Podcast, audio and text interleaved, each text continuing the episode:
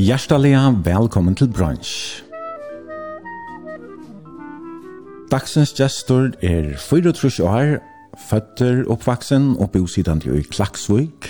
Han er utbyggven handels- og skrivstovefolk, og reker sammen med kone sønne i ferievennevirke. Han er kjenter for sine mange brøkt innan utrått, og har vunnet flere heiersmester i maraton og ekstremere, eller vukkongtere renning, Og så er han eisen enn en affær av Ødlund Fjallatinten i Førjon. Velkommen til Brunch, Paul Sundskær. Tusen takk for det. Ja, og i morgen så sender vi ur uh, køtjen under stovene hjemme til her og Bjørk. Her om han velrett i Klaksvøk som det heter. Og uh, ja, her er det et, et lekkert rom vi uh, sitter i. Det er en... Uh, jeg kan kalla dem køker og stove ut i eita, og her er høgt til loftet. Jeg vet ikke om hun er her, enn 4-5 meter ganske, eller klar. Og det høres ganske atter, jeg i mikrofonen og tjokken, at det er sånn der rumklanje, men det må du bare believe vi, hvis det er. Når, når flyttet du inn her, Paul? Ja, vi, vi flyttet her i 2018, det som vi kallar i det et laks og sølsyna, og jeg er omgang i bo av sølsyna i åren, og det er, det er helt fantastisk, det, det må jeg si, ja. Mm. Eh, Prakkfullt utsynet herfra, altså her er pura åpe framför, ja? Ja, utsynet, det det er omiddelige godt og ser det flott kan man si om sommer, ja. Så ikke solsitter av kalsøttene og, og sånne ting, så och til en sån utsikt kan man si som som vi helt missa så mm. så det är helt fantastiskt. Ja. Her er uh, just inne det her kvitmaler vetcher og loftig og kvitt og så er det så høy vindtøy som kenka altså fra gulven og noen uh, fyra meter opp eller her leia ja. så utsynlig iver uh, ja, klaksvøytjena ja. og så eisen iver og kalsvøytena ja Så her, og du kallar det solsøyna, uh, vet ikke, er nevnt Estar i armer, eller også det der? Ja, det, ja, det blir kallar det Estar i armer, og kanskje også ikke, kan man si, drillant for det som bygg var i motsatt søya, så, men ja. uh, jeg bor av motsatt og i, jeg vet ikke at, men, men jeg tror ikke är så så jeg vet vad det er, kan man si, altså. Ja, at du og Bjørk, uh, tid 80 år i hus så er det flott du här till. Ja, så vidt Jakob var i ikke øyla ring, altså vi tatt jo en øyla stor hus ute av Bomsamra. Og... en sånn tid, så det de bygde det selv? Ja, vi bygde det selv i Nødjantrofors. Og, og så i 2006 jeg ta valgte versforeldrene at kjøpe sånn sånn uibo her. Og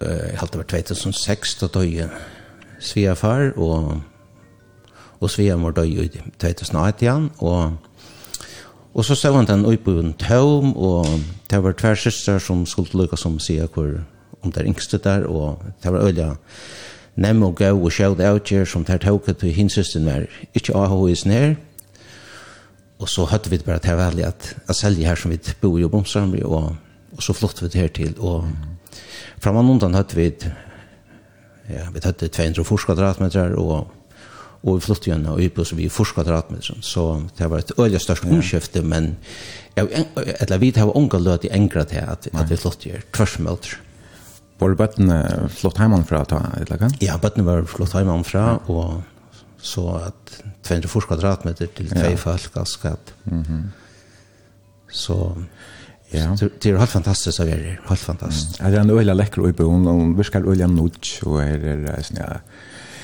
Ja, här är det flotte målningar och och vecken hon, vet vi någon nice nä. Eh och sälja en som är har bit mest i det är sån som hänger och av vecken hon om man för soffan som minner mer om Flöbyhusen och Iver. Ja. Halt han att at the heart of a selkie, ja. Ja, och crowded. Lövan om Ja. Här hon synker om Copacabana. Ja. Samma vid det Big Band aldrig det. Ja, akkurat. Ja. Är är det akkurat han Malmgren? Ja, det är akkurat han Malmgren. Ehm eh det så är att Kristina och Björk gjort någon omkring budsamtal och och konan och och Kristina känner sig väl och har arbetat samman så hade er Lukas som tann originale och jag hade han ser ser flott ut. Ja. Och vi är öliga stolta ja, av han. Ja, det skiljer jeg ikke vel. Han kunne godt også om reisen jeg haft en gang i stående.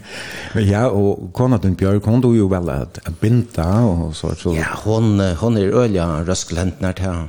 Hun røskel alt. Ja. Så. Så det her bor uh, lista kvinnerne hadde gjort en, gjort en bøydes han til. Ja, ja. Hun bant en, ja, Kristine, en, en kjola. En kjola, ja. ja. Så vet om hun ikke natt for. Ja. Slett ikke så bøyt. Nei. Kan man si. Men uh, det er altså tvei bøten. Ja, Vi uh, giftest i 24, og vi har en drong som heter Johan, som bor av tvørere, som er fiskemauer, og så har vi Davine, som er født i Fyrfors, og han arbeider sjur, som sjukrasøster i, uh, i Esbjerg. Ok. Ja. Og det? du fortalte meg alltid tjej abbabøten. Ja, tjej abbabøten. Ja. Hvordan er det om i fergen? Ja, fem av dem er i fergen, og og tvei av dem er i Danmark. Ok. Så det er, det er øyelig stått til å ha sånne goddelklumpar som jeg pleier å si. Mm -hmm.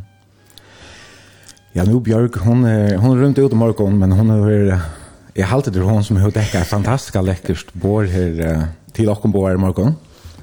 Här är bara, alltså, nu är bäcka brej alltså att det låter spray någon som uh, som brejvis det jag vet inte om det om är om det kommer helt ur hand i morgon lägga ja i morgon är det det kommer inte inte morgon men Ja, det är så läckert brej och så hon just några allvarliga spännande bollar är sen vi lax i mitten och och ägg och räkor så sandwichbollar nästan och ja, ja. en läckra kaka i snö så glömmer smakarna så att Alltså det ligger öliga väl för det halt repe om om kon att hon hon ja. hon dog det här som för gång till och och kommer även kommer vänder allt ska efter ska göra något som helst alltså är är då jag tömma ur offer uppvattningsmaskin och koka några äpplen och och hvis det tør fisk så klarar jag inte det så ja så så är allt sagt Och tror jag läckert, glädjer mig för att smaka. Paul, vi får at uh, prata om enkelt og kvært i morgen, og som nok de aller fleste vita, så varst du ut for en ekvistlion åhappe for en år siden. Alt er kvart 12, 13 dager. Ja, 13. oktober. Ja, så er det akkurat et år siden. Men du virker til å være kommet øye vel fire det etter, altså, Da er så ikke det genga her etter frem og så, så sast ikke at det om at det er ikke som jeg at du vil utføre noen eh ekvislig og alvarslig og happe for januari så han her du jag nästan hukte dig an och jag igen ja. Ja. Jo jo det det det kan ju just framåt. Så det har tänka som i Bergsvik kan man säga men det det kan ikke gjøre godt gott ta bättre vägen. Och er takksom for det att ja. Så det är fantastiskt. Vi får nog ta som det er Han har sagt nu sent inte om om att avhapp ja men ja. men men to ja to breda sunter. eh vid landa richen og rikkaslar og så bojar og to fekk operera en en stålplatt ja och rikkaslar jo ja så sidan sex skruer. men han säger det så gongland, så der. Altså er så det inte men nej nej. Det kan vara at det som kjenner de ordliga vel kanskje. Ja. ja, men Ja ja. Jo jo, tär tär. Men så han den så det är det är kan man säga men men ja. jo jag kan inte så snar normalt kan man säga men men det är schlecht den den gamla Paul det ska se det så är läkt fram. Nej, han får det eisen jeg ta så om. Han var rettelig ekstrem, særlig at han kom till till Uitra Ja. Och ja, jag tror alltid dumt väl ganska att uh, bjør det selv när jag har lagt fett. Ja, alltså det har alltid selv, alltså det är det som börjar på den her ekstrema idrotten så så var jag öl ösamattler och och det krävde jag att man hade en disciplin som som ville det här hvis jag skulle göra jag för att jag som jag sett mig som mal och mm och i de flesta förrän så lockades det alltså ja. Men det är inte bara bara ja nej alltså vi får ta sånt där sajten men jag bara som jag nämner ett döme så så runt om två maraton och på en dag och Ja, og, og lengt over 100 kilometer om det er nesten er her er sånn ekva teka av at jeg vil leta det vi leta det litt kjøs inn til ja, så det er tosset rundt og seitene men um, jeg lukker lukka spyrir det hvordan to og Bjørk møttes hun er jo atter hauna ja hon er over sine badnarøter og, og i havn hon er oppvaksen oppe i Stoffala og så flyttet hon når her og i uh, Kjelfjærs, og vi kom saman i 88. Og hvordan vi kom saman, ja, det er kanskje en liten stortlig søv om det. Altså, hun arbeidde jo en bensinstø, og da var det sånn, det moderne kører vi pen og flott om bilen, og kanskje Arne kom her, så kanskje man fylte tanken, og så, så kom han etter her, han er vikig at men da han så var bryr her, så begynte man å køre sin minne i tanken går jeg fjerde. Så hun kommer sin droft der i så man, møtene. Ja, og, yeah. og ta, ta døven kan man godt si at ta, ta var vi som, som korti og alt, ta, ta kom damner ut og fyllt ja så... Ja, nemlig, ja. Så vi gjør jo sin til fortjela i, så pankras matar andre saman her alltid. Ok, ja, ja. Så det er to bryr her at, at uh, fylla bensin og flere for den her samme kvöld, så... Ja, det var det sin mustanslipp. Så lukta hun ganske akkurat her. Ja. Fann hun det også det var. Du var det utypa. Ja, akkurat. Og det etna så typ blev gift i tve og fors aldri. Ja. Så, ja. Og er sammen enn nesten. Ja. Vi tar 13. mars i år så hadde vi vært gift i, i 40 år. Og nu halte vi vi fortsätter bara till vi där under Gotland och jar så så tack där så. Ja. Och det du mig bara per alltså av privat fronten tid har väsne att visst tillsammans. Ja, alltså ja i Arnet här och uppe så så var det alltså som vi bär som driver det och äta praktiska och hon ganska mer. Det skulle vi leva allt det där så så tar vi Joshua 2016. Men på vi får reis när jag spelar tonlike til ju en stor pastor jag sent inte och två valt jag sent blant en tonelike. Bare amerikanskan, brittskan, norrländskan og føreskan. Og så er det flere sanger som har en andlig båskap. Er det tonelike som du plejer etter uh, vanlige, altså shoulder? Ja, det det vil jeg si. Altså, annars tonelike mest jeg ser er i og en annen alfabet. Altså, er, er, det sier meg ikke rævlig enn ikke, altså. Og i min unge døven så var det, så var det mest, hvor det var så, det var det ikke, det var det mest Samuelsen, Samuelsen og Koster Råland og ja. fremfra Glemslen, et loksjord, altså, det var stort til. Ja, det var jo vel omtøkt, da. Ja, det var spalt i utverten nesten. Ja, ja. Og alt hitt, altså, som jeg kaller Marla Min Skrampel, altså, det er ikke akkurat det, altså, det er, det, vi kom, vi kom inn av det 17, ganske, fra Luther Fitter Sjøv. Ja, ja men hevur du sinji sinji kóra? Jo, er er er altså er vær og et halvt år etla åttar og i Strandjakøren KFMK i Klaksvøk. Det var skjer ser det stort litt, altså det var nok av, av tog at det var skjøtet ta at, at det kom på i det kjøret og min Båtl Sølbjørk skjøttene etter ta så Så har vi også prøvd å være vidt her i Gå Morgon før jeg kjører. Å ja. Byrde jeg, det var utrolig stått litt, altså. Helt kjipt for det har stått litt, altså. Er det, er det til en... Jeg vet ikke om det er til en, altså... Jeg og Jan har med gode vinner var det som... Ja. Det var han som bare kom på i, og, og Sigrid sen kjøttene. Det var så festlig som det kom til, kom til å være, altså. Det var helt fantastisk. Ja, i Kvossvei, så har du valgt... Uh, några sanger som vi får spela och den första han är uh, lokaler kan man säga. Ja. Kursor sankaren ja. till Karl Martin Samuelsen som synger. Ja, og Karl Martin kjenner, vi, vi kjenner så veldig vel, vi är vi er jankamler altså til nekker det er mitt lakken, altså jeg fyller om förra där og han fyller om tolv där. Han er veldig, ju en han er veldig grann sammen med Susanne. Vi foreldrene kommer eller mot Battenheim så så kan man känna ju oavmänt jag väl alltså det er veldig det løy hvis ikke alltid en sanger han. Ja. og akkurat här som sangren han heter To Bear My Tess Hole. Ehm är en særlig tutning för det. Nei, det vill ske. jeg skulle velge omkran og, og ta er en analfabeter så så alltid han men da damen hade sanchen öliga vel, altså. Ja. Og med damer öliga vel røttene, när kan marschen til Vi kunne, ju, hur vi vågna, i snävet? Vi får oss inte i det, akkurat nu, ser det sinte grått ut. Ja, det, men, uh, det må vi bare si. Ja. Det kan være at det er sånn friere. Ja. Det er jo en en stor der hvor det i det at han ikke har lennebrettet med jo. Ja, det er fantastisk, ja. ja. Så hvis, uh, hvis du ikke varst det, så er det nok verre rått. Nei, han ikke gjør oss det. Ja, her er det størst tiltak klokken 11. Ja. Så vågner at, at jeg får sånn det. Altså, all. Ja, akkurat. Ja, det blir torst om ikke annet. Ja.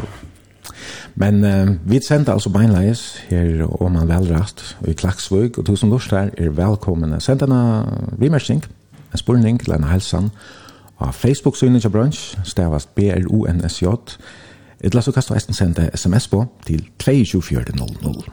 Tu bær mer tæsel som ur skutjum vær gøymd Tu bær mer på kjøtt Tu rati mer kjøtt no romana ui han Tu bær mi heim jøk nun dreimana land.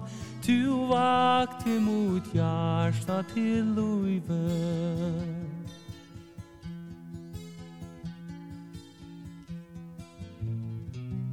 Jeg synger ter alt som jeg synger ter kan Esinje ter om şatluyve Esinje ter şat no romana uyham Esinje dreimana land. Dreyman alam Esinje sang om şatluyve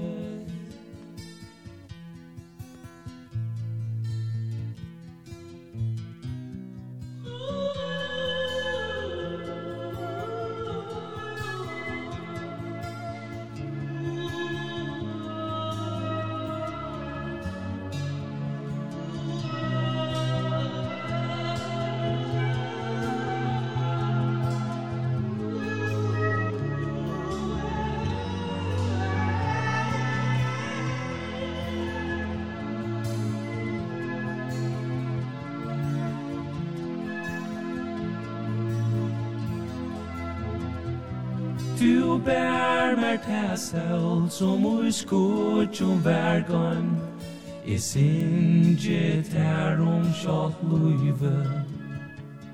Tu rat i merskjat no romana ui hand I sinje te inn ui dreimana land. Tu akti mot hjarta til luive.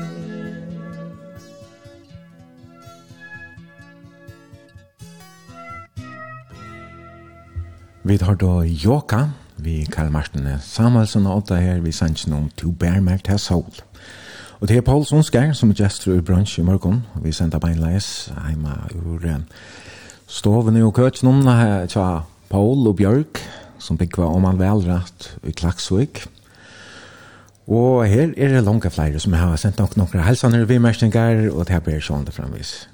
Vi er til. Jeg gjør det her, så halte jeg endelig, halte jeg endelig til. Paul, du erst fødder i 1900 og tjej halvtrus. Er 24 år gammal. Ja. Hver i uh, bøynen er du vaksen opp?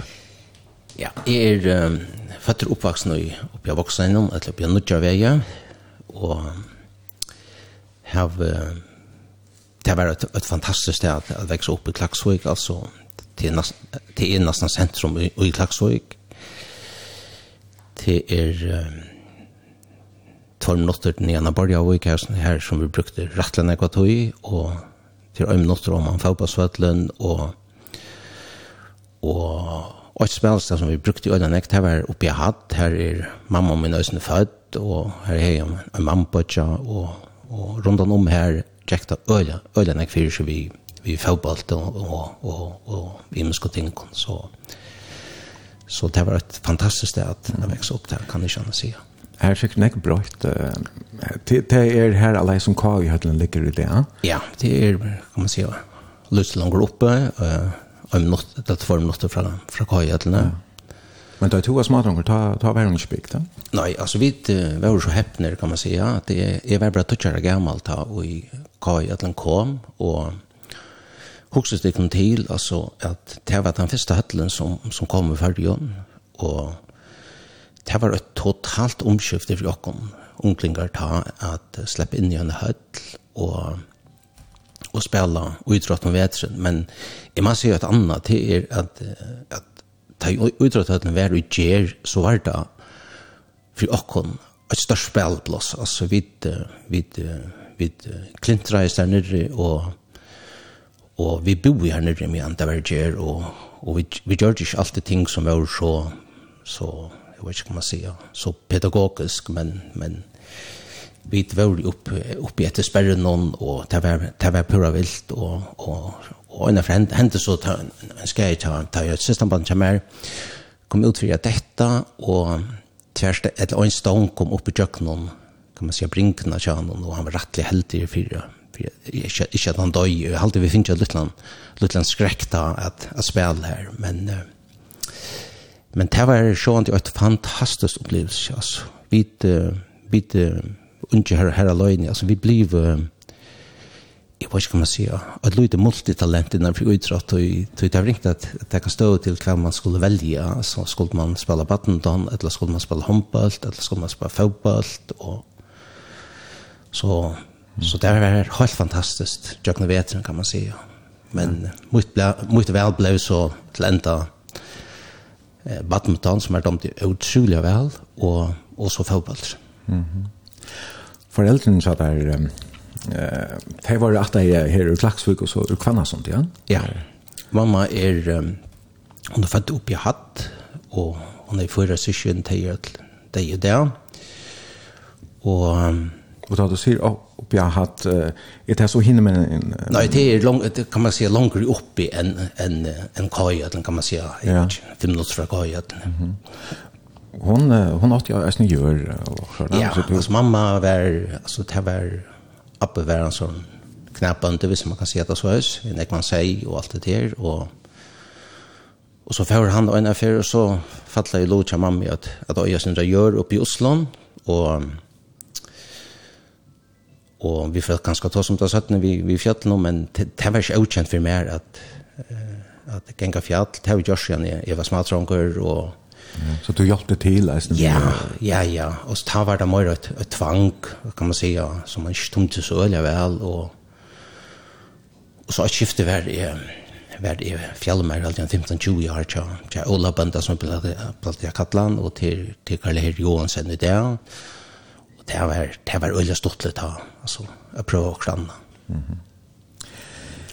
Mamma din, hun var annars heimearbeidende, ja, og banden jeg for folk fortalte meg, så har hun nått av akter i kvørst, ja. som og så var det. Men annars var det nok papen din som, uh, kanskje han som hei, tog inntøkene vi heim til huset, eller hva? Ja, jeg har en pappa som er uh, nekkborster, rettelig nekkborster, Og så hei som Elis ble sida en heimagengande mamma som alltid var til stier, kan man säga.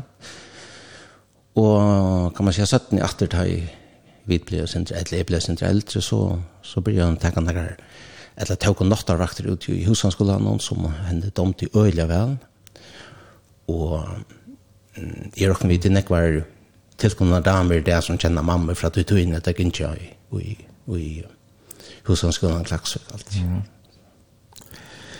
Du sier at pappa din har man ikke borster da du var baden. Ja, pappa var øyne ikke i eller vi vet hvordan vi, vi i føren kan ta i trusjonen og så satt ni etter for han at sikla vi løgne på det og silte nek herrens arv i, i AKB til han leiste land og så ble han arbeidsformer og slækaversen og norrtøp ble han her var han rettelig nek og kortet som mittelen kvendt det. Så, og her er Lukas som, det var Lukas som hans var største arbeidsplass. Så, og så, så, som du nevnte, så kommer pappi og kvanna som det vi en stauren av flotje. Og pappen er at, eller, ja, han øyder han, Andreas som skær, og ta i togene var det, var det nekk, og kvanna som som, som It Johansen, han, han er at Øysen Johansen. Han datter Johansen. Ja. ja. ja. Og så valgte han som 16 år gammel at, at uh, kjøpe seg et navn, Sundskjær, og han er ångte sagt og kjempt i at grunden til han flyttet fra Johannesen til Sundskjær, det var tog at frutjere brønn i enda i Skøyensted, så det var ikke veldig hepp, ja, veldig hepp, ja. Ja, det kan ska vara också alltså han var ju bara 16 år. Ja, nämligen. Vi kan nog som skott på just att um, at uh, ta pape og mamma så skulle, skulle giftas og en affær så så var han lukka som nørsonti og skulle bjøva ta imot nærma seg vi som skulle bli lopp og og ta kom tan bønden til han som jeg loven loven hetta navn til å få det et navn som skær. Ta sier han vi han et sinter sinter sporsker som, som nekver her i norra att han atla i omgång till Sundskär skulle flytta till klakskar. Så så fikk han det av en. Men, ja. men ja, okej. Så han flyttade till till Klaxskär. Ja. Och det det byggdes av også en ett lag på kjøy. Ja, okej. Och du hejas när sysken eller du vart var det yngst? Ja, jag var yngst där av fyra sysken. Jag har en en bodja som bor i Danmark och där och hinner då i 2005 og 2016 siste min 2016. Så det er bare tvær bare etter? Ja. Et som eh, du fortalt meg at du eh, dotte vel da du var smadronker, det var eh, nummerplaten her, og et eller bil noen er i Norge. At, eh, ja, altså, det var det så at eh, det var det gamle tettene som sylte ganske til Lorukar, og, ja. og ikke den trafikken som er der, og lengt fra tog, kan man säga, men, men jeg har jo en sånn, sånn interesse i at, at jeg vil gjerne do alle nummerplatene utan at det klaks og jeg minns at det var øyelig en frakt jeg kom dronjen, at jeg finner det, det er noe bilen til så spør jeg meg om, om, om jeg kjente det nummer, ja, men jeg, mm -hmm Jeg brukte øynene jeg var tog i orske på hatt, altså. Jeg, jeg sykla i klakkstusjen av Tampri, Hitcho, Nutje Biler, Røri, og, og, og jeg vil bare si at nummerplaten er sjøvde bare, altså. Ja, jeg skriver du der nye, eller, eller, eller, lærte du der bare? Ja, ja, lærte meg, det var en sånn lyd sporster som jeg, og... Jeg minnes det at, det var en sporster, og jeg minnes meg jeg var hørt omkring utvarpsendinger, jeg pratet over en, en smadrong, som dodde alle nummerplatene her, til jeg spurte meg, hur heter nummerplatan så politibilen eller ambulansen eller ett annat så så visste jag inte så det här var en sorts sporter som ganska fler eh ja Ja, alltså det var en sporter ta och jag tycker att han han nästan av möjlig det ganska så sjura det infrastrukturen är så så det att det kommer bilar att läsa så kan man säga så det det blir släkt till han ha varit hemma hemma allt att det. Nej, nej. Ringt alla kylan. Ja. Men um, ja, to uh, nevnte det Janne, to, uh, to ikke enn jeg kan utråta, og Arjen Høtlen uh, var, bygd, var det som mest av fotballsvetlen om de spalte? Ja, var det, ta var det jeg sier bønnen, ja, disse lokale fotballsfellen som vi tøtte, og tjokken var det hesføren er OB, altså Åsala Ballfella, og man heier i Ria Heion, Mølsat Menna, HP, Heia Ballfella, og og langer Norge, Gera Ballfella, og i Vikne, Vika Ballfella, og sånne ting, og Og så, tar spalt man også med hver nør, men, og hvis man tappte, det gav man bare slett ikke, så, så blev ofta ballata på sjuktöj og, så krutchattarna krutchattarna så börjar man ganska stå inne mot kornören och så det var inte vilt och spännande mm. men stått lite alla gal alltså och jag fick ske ut ja du var nästan skåt ja? Ja ett, ja jag var skåt i några år och det har dumt meg olksalja vel, altså. Ja, det er uteløyve og så. Uteløyve, så ut helt og være vakter midt i nattene, og, og så. Genka lenga turer. Genka lenga turer, ja. Og, og jeg held av en nøyjens av fjers, at vidt vi en er patrulje som at solene ble fyrjemarstar, jeg minns ikke akkurat om det var sant eller hva det var, men men uh, det er også nekva tog i at jeg vet ikke at fotball tog i kan man si, så. Ja. Men du har valgt en, en sang vi, ja. uh, vi ungdomskåren om Jakob Jakov Maldia. Eller, nei, ja. du, du har selv sunnet vi ungdomskåren om, ja. så vi, var det 2004 ble man flöa tidsen opp i, ja. i de gamle korsangarna, eller ja, ja, det var så at, uh, som sier, börjar vi att ta i värskote så, så datt man in till Strandrakaur och var här vi här under tog, och så, så i 2004 eh, är visst ikke ordentlig sikker ut om Sanja Kavra börja i nødjan förtrus men men lukka mig ikke, så 2004 ta, ta samla man öll som är sunnkju og i kristianskirken til en sort stor kaur og och och kavr sunnkju nekra sankjer og og og her mitteln var jeg så vi och nekra några några sankjer blev teknolog på en flöva utgiven og så Så det var, det var ordentlig stortlet, ordentlig stortlet. Ja, og vi slår høyre en av dem sanken om. Ja. Um, jeg visste jo om Jesus, er heit i Jesus. Ja. Några særlig årsøk til at du valgte akkurat hentan? Ikke, altså, jeg mer alltid dømt han av en av sanken, og hvis jeg minns rett, så, så hever han kjekler først Irstan, og han er ikke rettelig nekvar gaua sanker, ikke, ikke nekvar, men han er ikke gaua sanker, og Hatt var en av de sannsyn som er domt i øyla vel i Østrandjøkeren. Ok. Var det godt. Vi tar her storkåret i KFMOK.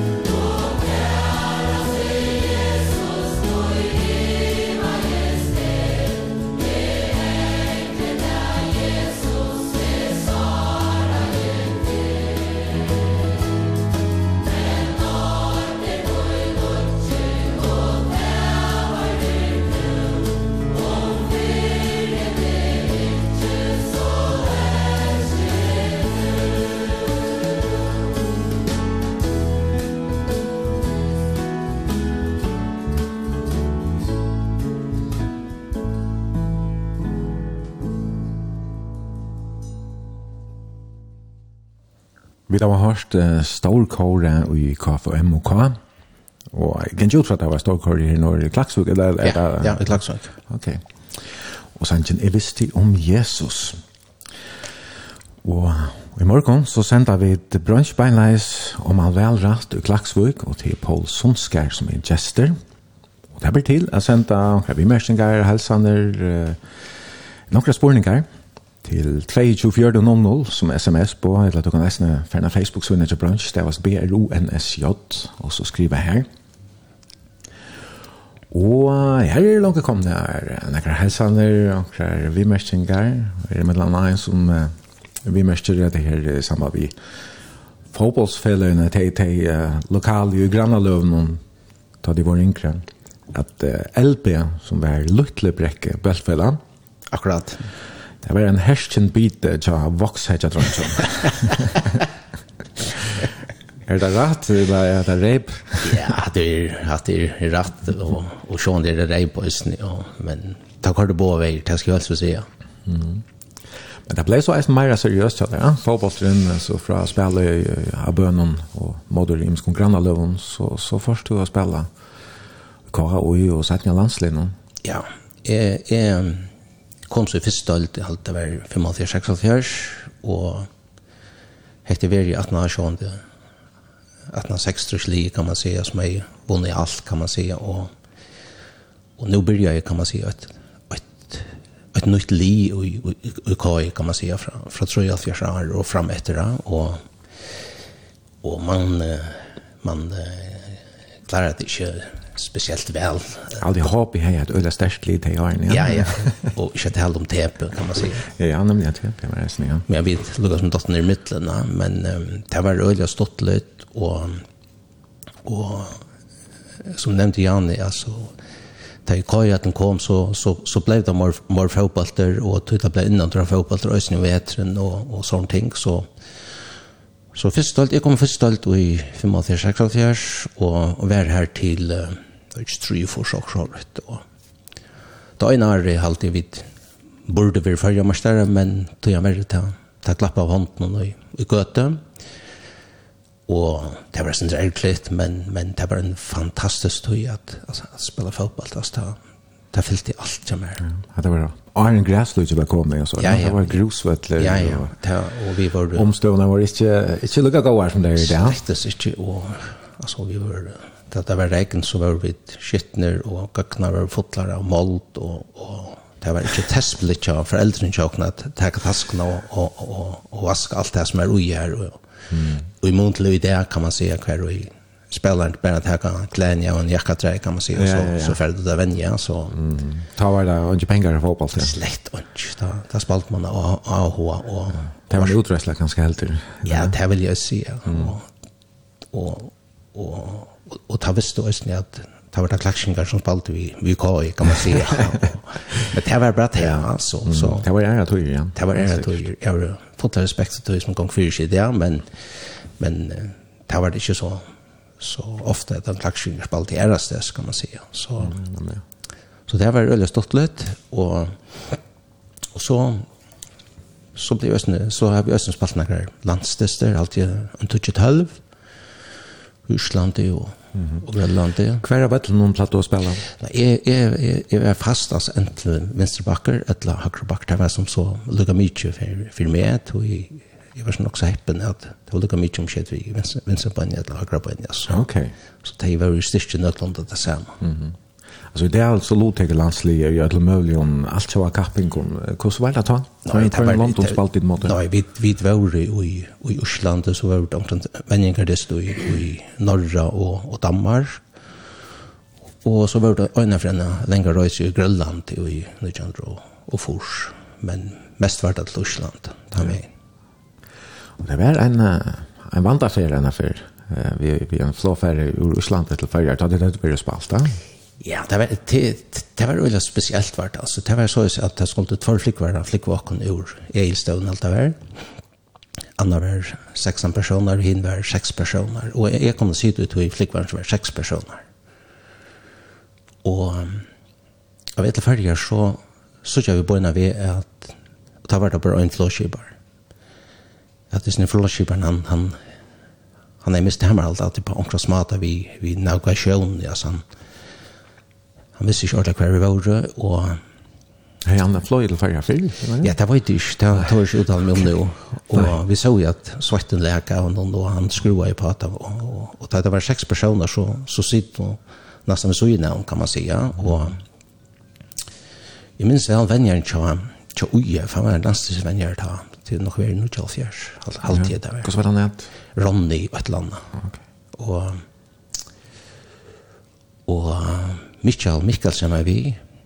Ja, og Kajern. Kajern, ja. Jakob Mikkelsen. Mm -hmm.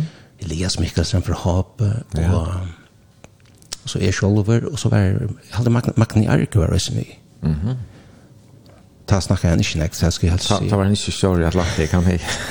Nej. Men han är inte snack med blåvet eller shit för för två tag. Nej, nämligen. Och vi så såg ju att det var två bensinvisar kan man si, Vi såg ju att att nu jeg at minka var lite och ta började norskast.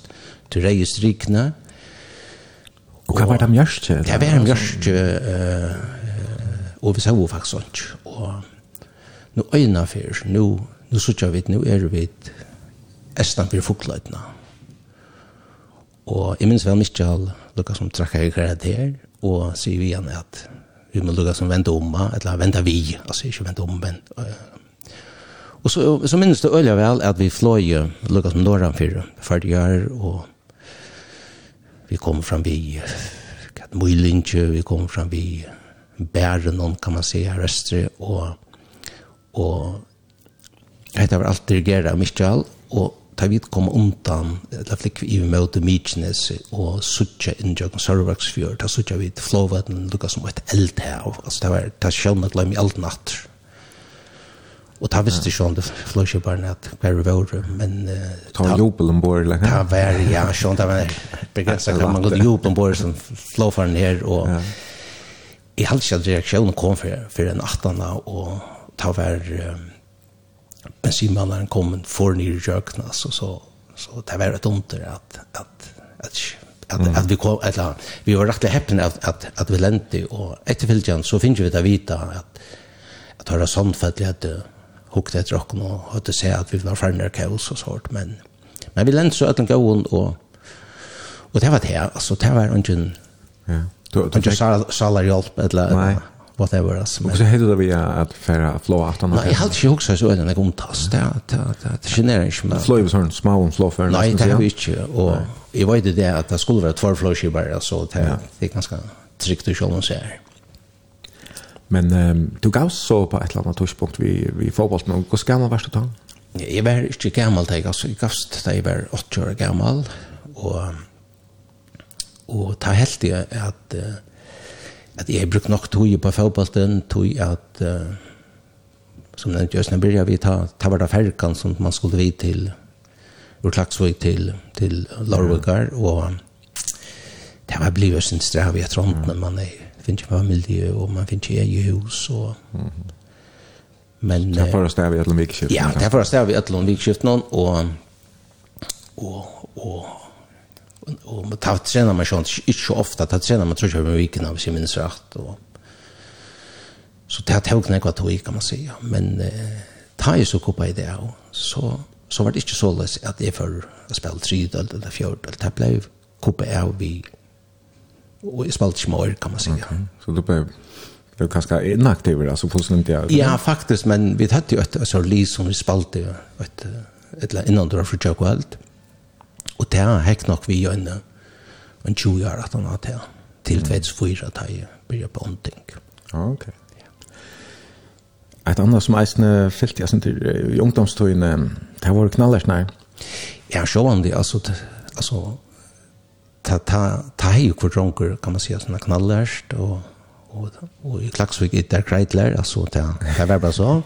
Ja, det blev ju sällt där i norr. Ja, ja det blev sällt där i norr men men Men lukt så hei en en pucknal där stå. Så skulle det vara sån över sen hinne. Ja, men de tar bättre där penere helt det och så och ta ta var det så att man man tona i där og alt det där forskjellige och man går ju undan og, och och och även inte undan det, till det skal jeg helst se. Så det det, var det var en spännande så så små omstör alltså kort på tiden inte bara hem till föräldrarna så där. Jo, det stå här och boja eller komma hem eller.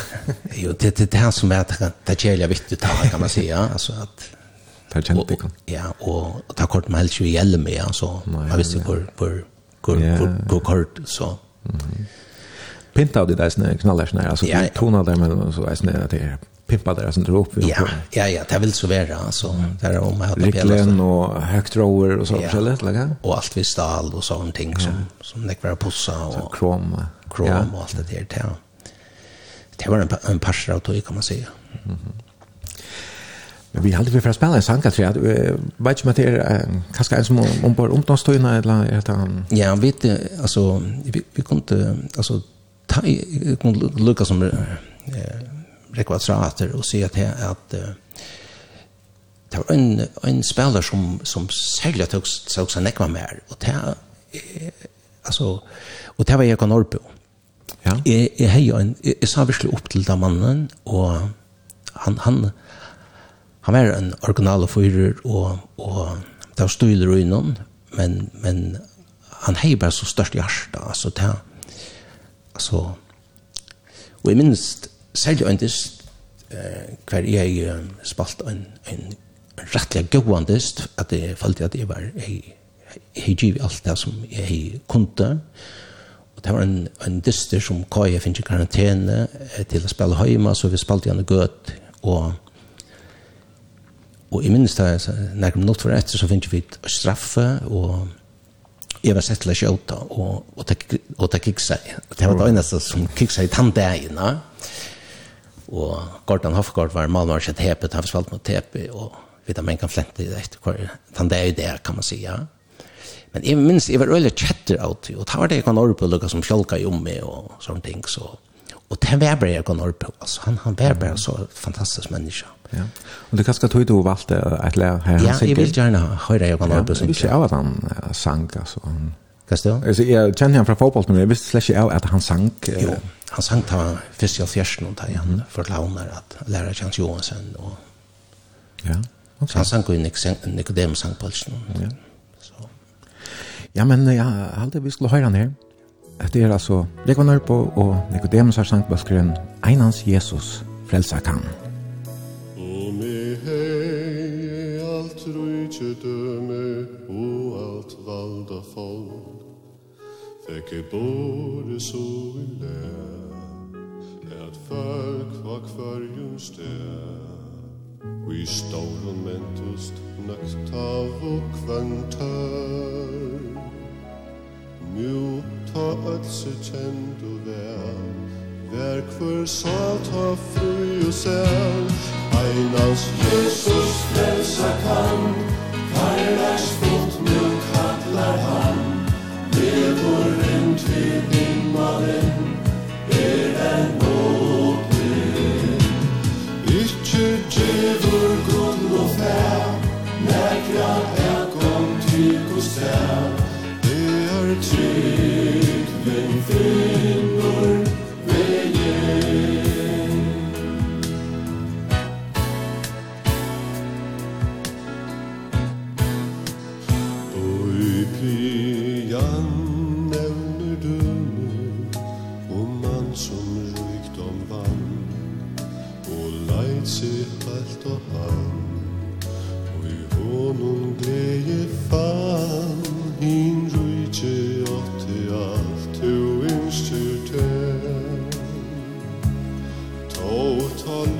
han senda vær Innu i deg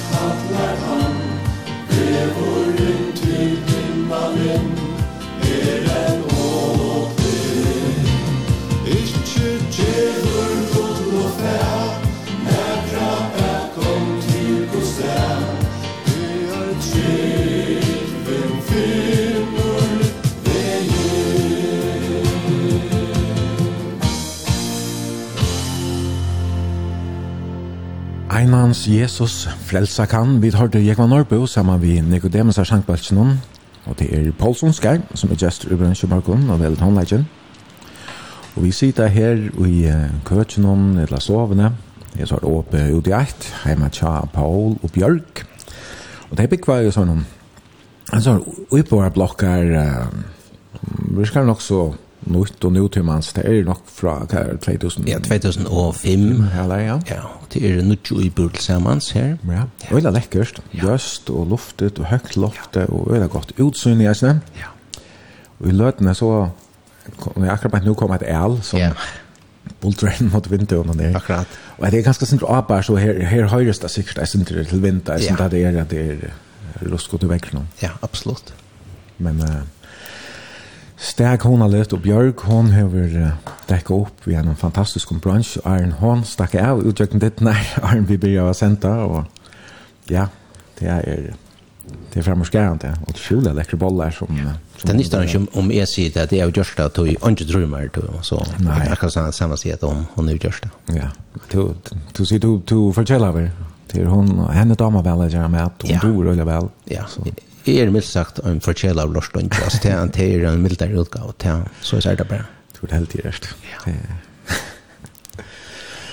Nå, men Paul, vi da prater sånn om baden og ungdomsvarene, og man skal utdrate den her, jeg begynner vi i fotbollen, ja.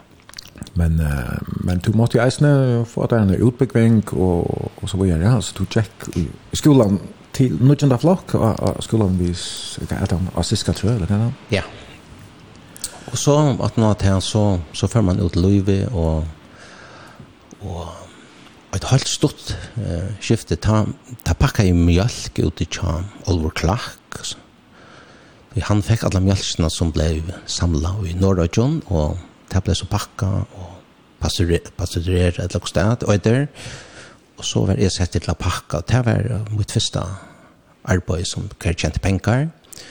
så var jeg ju ett stort eh, skiftet tja Tarlof Matras som selte gass og dekk og sånne ting. Det var utrolig uh, lærerukt at, at være her, at lære nekve praktisk ting.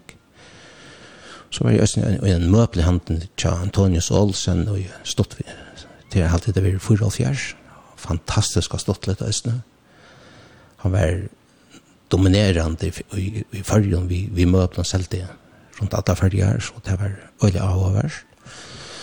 Og så byrja jeg inn i Jan Fyralfjers lærer jo en vanlig kant som at Iris, som var oppe i Gjeron da, og han var lukket som Tvøymen Høland, og det var nok helt nøyt vi at, at uh, jeg byrja en sånn vanlig kant. Og det som var særlig populært vi, da vi byrja i, det var det var tapet som hei loim og pja, man kortet bare i vatten og så drekte på vetsjen, det var nekast så populært. Okay. Så, ja. Hei man til langer? Nei, jeg har ikke kjatt og ikke gitt et tapet må jeg ta minne er, er ikke så ja. fremmelig, men, men anker flott tapet finnes jo. Ja, altså det er, det er nok moderne at det brukes her flotte tapet, men det er kanskje jeg synes ikke dyrere, ja. og og du kan kanskje være sånn til kjærvare, for at, at tapetsera lägger med snäpp bara där vi vi minst från helt än bara målan så kanske ju alltid måla nu kan lite. Ja ja. Ja, bröta den. Ja, tapeter jag ska ska inte. Akkurat. Då hängt upp på att. Jag blir här så under Jan Furlfjärs och tar det Magne Jakobsen som som ledde han ett lottet han handlen Magne Papi John Grotnon så var det där.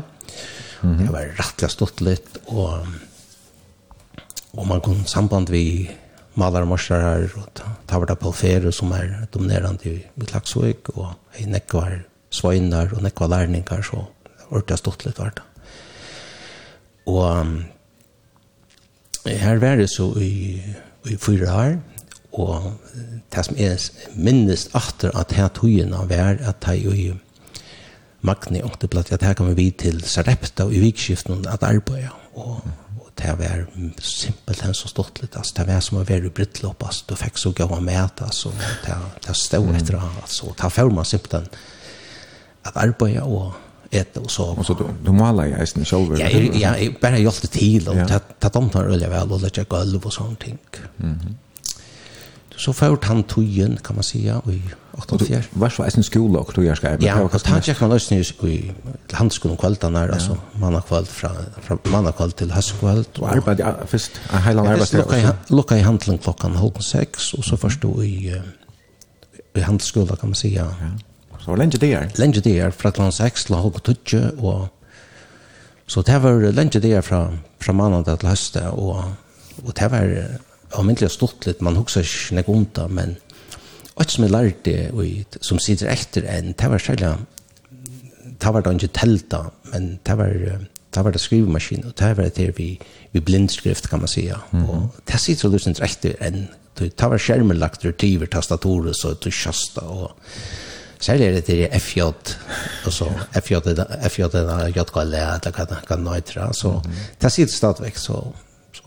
Så det är nog stort kan man säga. Ja, det har man bruk för. Det är gott att då i det här kurset. Så, så i 88 ta ringte jeg med over etter meg som heter Holger Paulsen, Han er i Sjøkladen i Klagsvøk. Det arbeider rett enn jeg folk innenfor det bransjen, hvis man kan si det så, som er, som er oljeklær, arbeidsklær og hva det nå innenfor vær.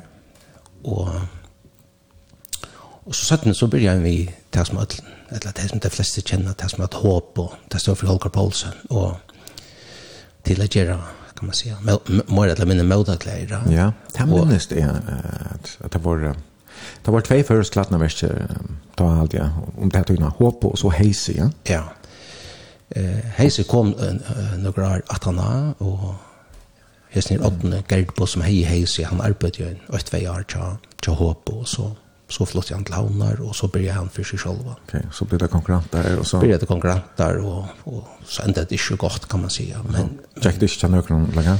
Nei, altså, ta hei, klatta min øyla, øyla ring, ja. och særlig var fokus, ta tja sjåklanda visst det har ni värre. Det var ganska mycket choklad visst som har haft det större intök när alltså hopp och vägen mot kläder, kopa boxer och så var det. Ja, det var det var mot att så satt den här där fram fra det la opp i brekk og til en høle som det ikke var vi fag og så til Thomas Thompson og det har tøyene vært det, det rettelig største arbeidsplass altså jeg, jeg, jeg halte ikke likt det jeg sier til at det lå med en trus og fors arbeidsvalg som arbeider i Kjellgradnavisen og i håp så men det har det vært det at det gjevast i, i om tvei fors men men men Kjellgradnavisen det er ta ta livsutveckling kan man säga. Det är det är till en det är till en ja. Men nu kanske importera det helt klein eller kan? Nej, det det det ger stad för klein olja klein sånt.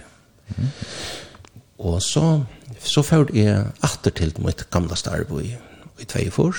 Till Malkantle? Malkantle, ja. Samma vi vakna Och det var avmynt, ja. Stått lite att vi är åter nu att vi flott i en nutjehöle här som her som flykker helt til i Klaksvik, det er altså ut i Klaksvikene. Ja. Og kan man si, så så kom kreppan ta och i i och femstnon som mm. uh, som gjør det til at, uh, kan man si, at uh, det hinkar noen mysk skutt i laxisna til, til han givet i vad altså, Skipene lå, skipen låg kausa visne det stångt och det gikk av hunden til til Vindelund, kan man si, ja. Malkhandlen lukket han eisen, eller? Ja, han lukket i eisen til han verre, og så så ta ta hing om ta tuina ja. svarskot i i klaxis det er ein snivel der eisen med en partner og ferja ja, ja. Alla ferjar ja akkurat var det folk som som flott i henne och av landet någon alltså ja ja. Ja. Ja det har vært ösnä alltså ja. Så så ta Hva gjør du så, altså, da jeg tar i malinghandelen han ja, stående? Ja, jeg var så heppen at uh, under 2012 så åpnet jeg Rosakasøla so dansen som det da. Og jeg, jeg ble sett som handels- og gamseløyer i her da, da vi åpnet jeg. Og jeg var her frem til 2012, og de arne i Rosakonsølen var jo utrolig interessant i at vi, vi førte til noe som vi ikke visste hva, hva, hva, hva det innebär kan man säga. Og hvis jeg skal tenke sammen om, så er det ingenivium så alle at det er absolutt det rette som man gjør det ta, 100 og, og jeg alltid det er et godt konsept som man, som man hever i det, ja. Ja, nek vi at han tror på som var av seg her drikkjementene som man heier ta, eller kassamentaliteten, han, han var ikke sommer for samfunnet. Nei, og, og ta i tøyene og, og lengte det ta vær, ta, vi, ta vær bileren og et, et versjord kan man godt synge. Ja, nemlig, ja. Rottland og Barrer. Rottland og Barrer, så, mm. så jeg halte det var det rette som jeg gjør. Jeg minnes vel at um, Merda Rasmussen, hun var, hun var løkmer til det, det, det, det, det, det, det, Jeg kan fortelle hans en stått søve ta vi vidt åpnet så annan november 92 og det var stor kø utenfor og vi hadde handelen så godt ut, det fyllt hitlene og, og jeg minns vel at en hitl kunne ta noe fjørte flasker hvis vi tar akkurat vitt som et døme så, så og ikke stå av gulven og ta, og så åpna vi klokkan 2, og det der var med livet, så at vi selt for, ja, alt det var 800 000, og store parser tog var kontant. Da. ja. Det var det ikke så nek som hadde kost. Nei, nemlig. Og det var totalt sjokkerende for okken at vi tømte kassan der fløyfer, altså, og, og, og vi måtte bare kåre de pengene i svarsa skrelle på seg, for at vi hadde lukket som at Jeg bjerget den som bengt kom inn. Ja, fra, det åpnet klokken 2, sier du. Og jeg har haft åpnet til halv 6, ja. og jeg sånn her togjerska henne, men tror ikke han holdt en tøyma, jeg hadde selv for 800. Ja, det var altså køyen stål, altså først, jeg var ikke lengt igjen ut av snikkere visset som er her, og ned til Marie Paulsen, og Men eh, da vi så lukka i, ta, ta minnes jeg at så skulle vi etter som påsen og, og telje sånne grann sedlander, hatt kjipp ikke, altså, og ønskene kom dutt til å telje penger, kan man si, altså, Jeg måtte hitte han og løte.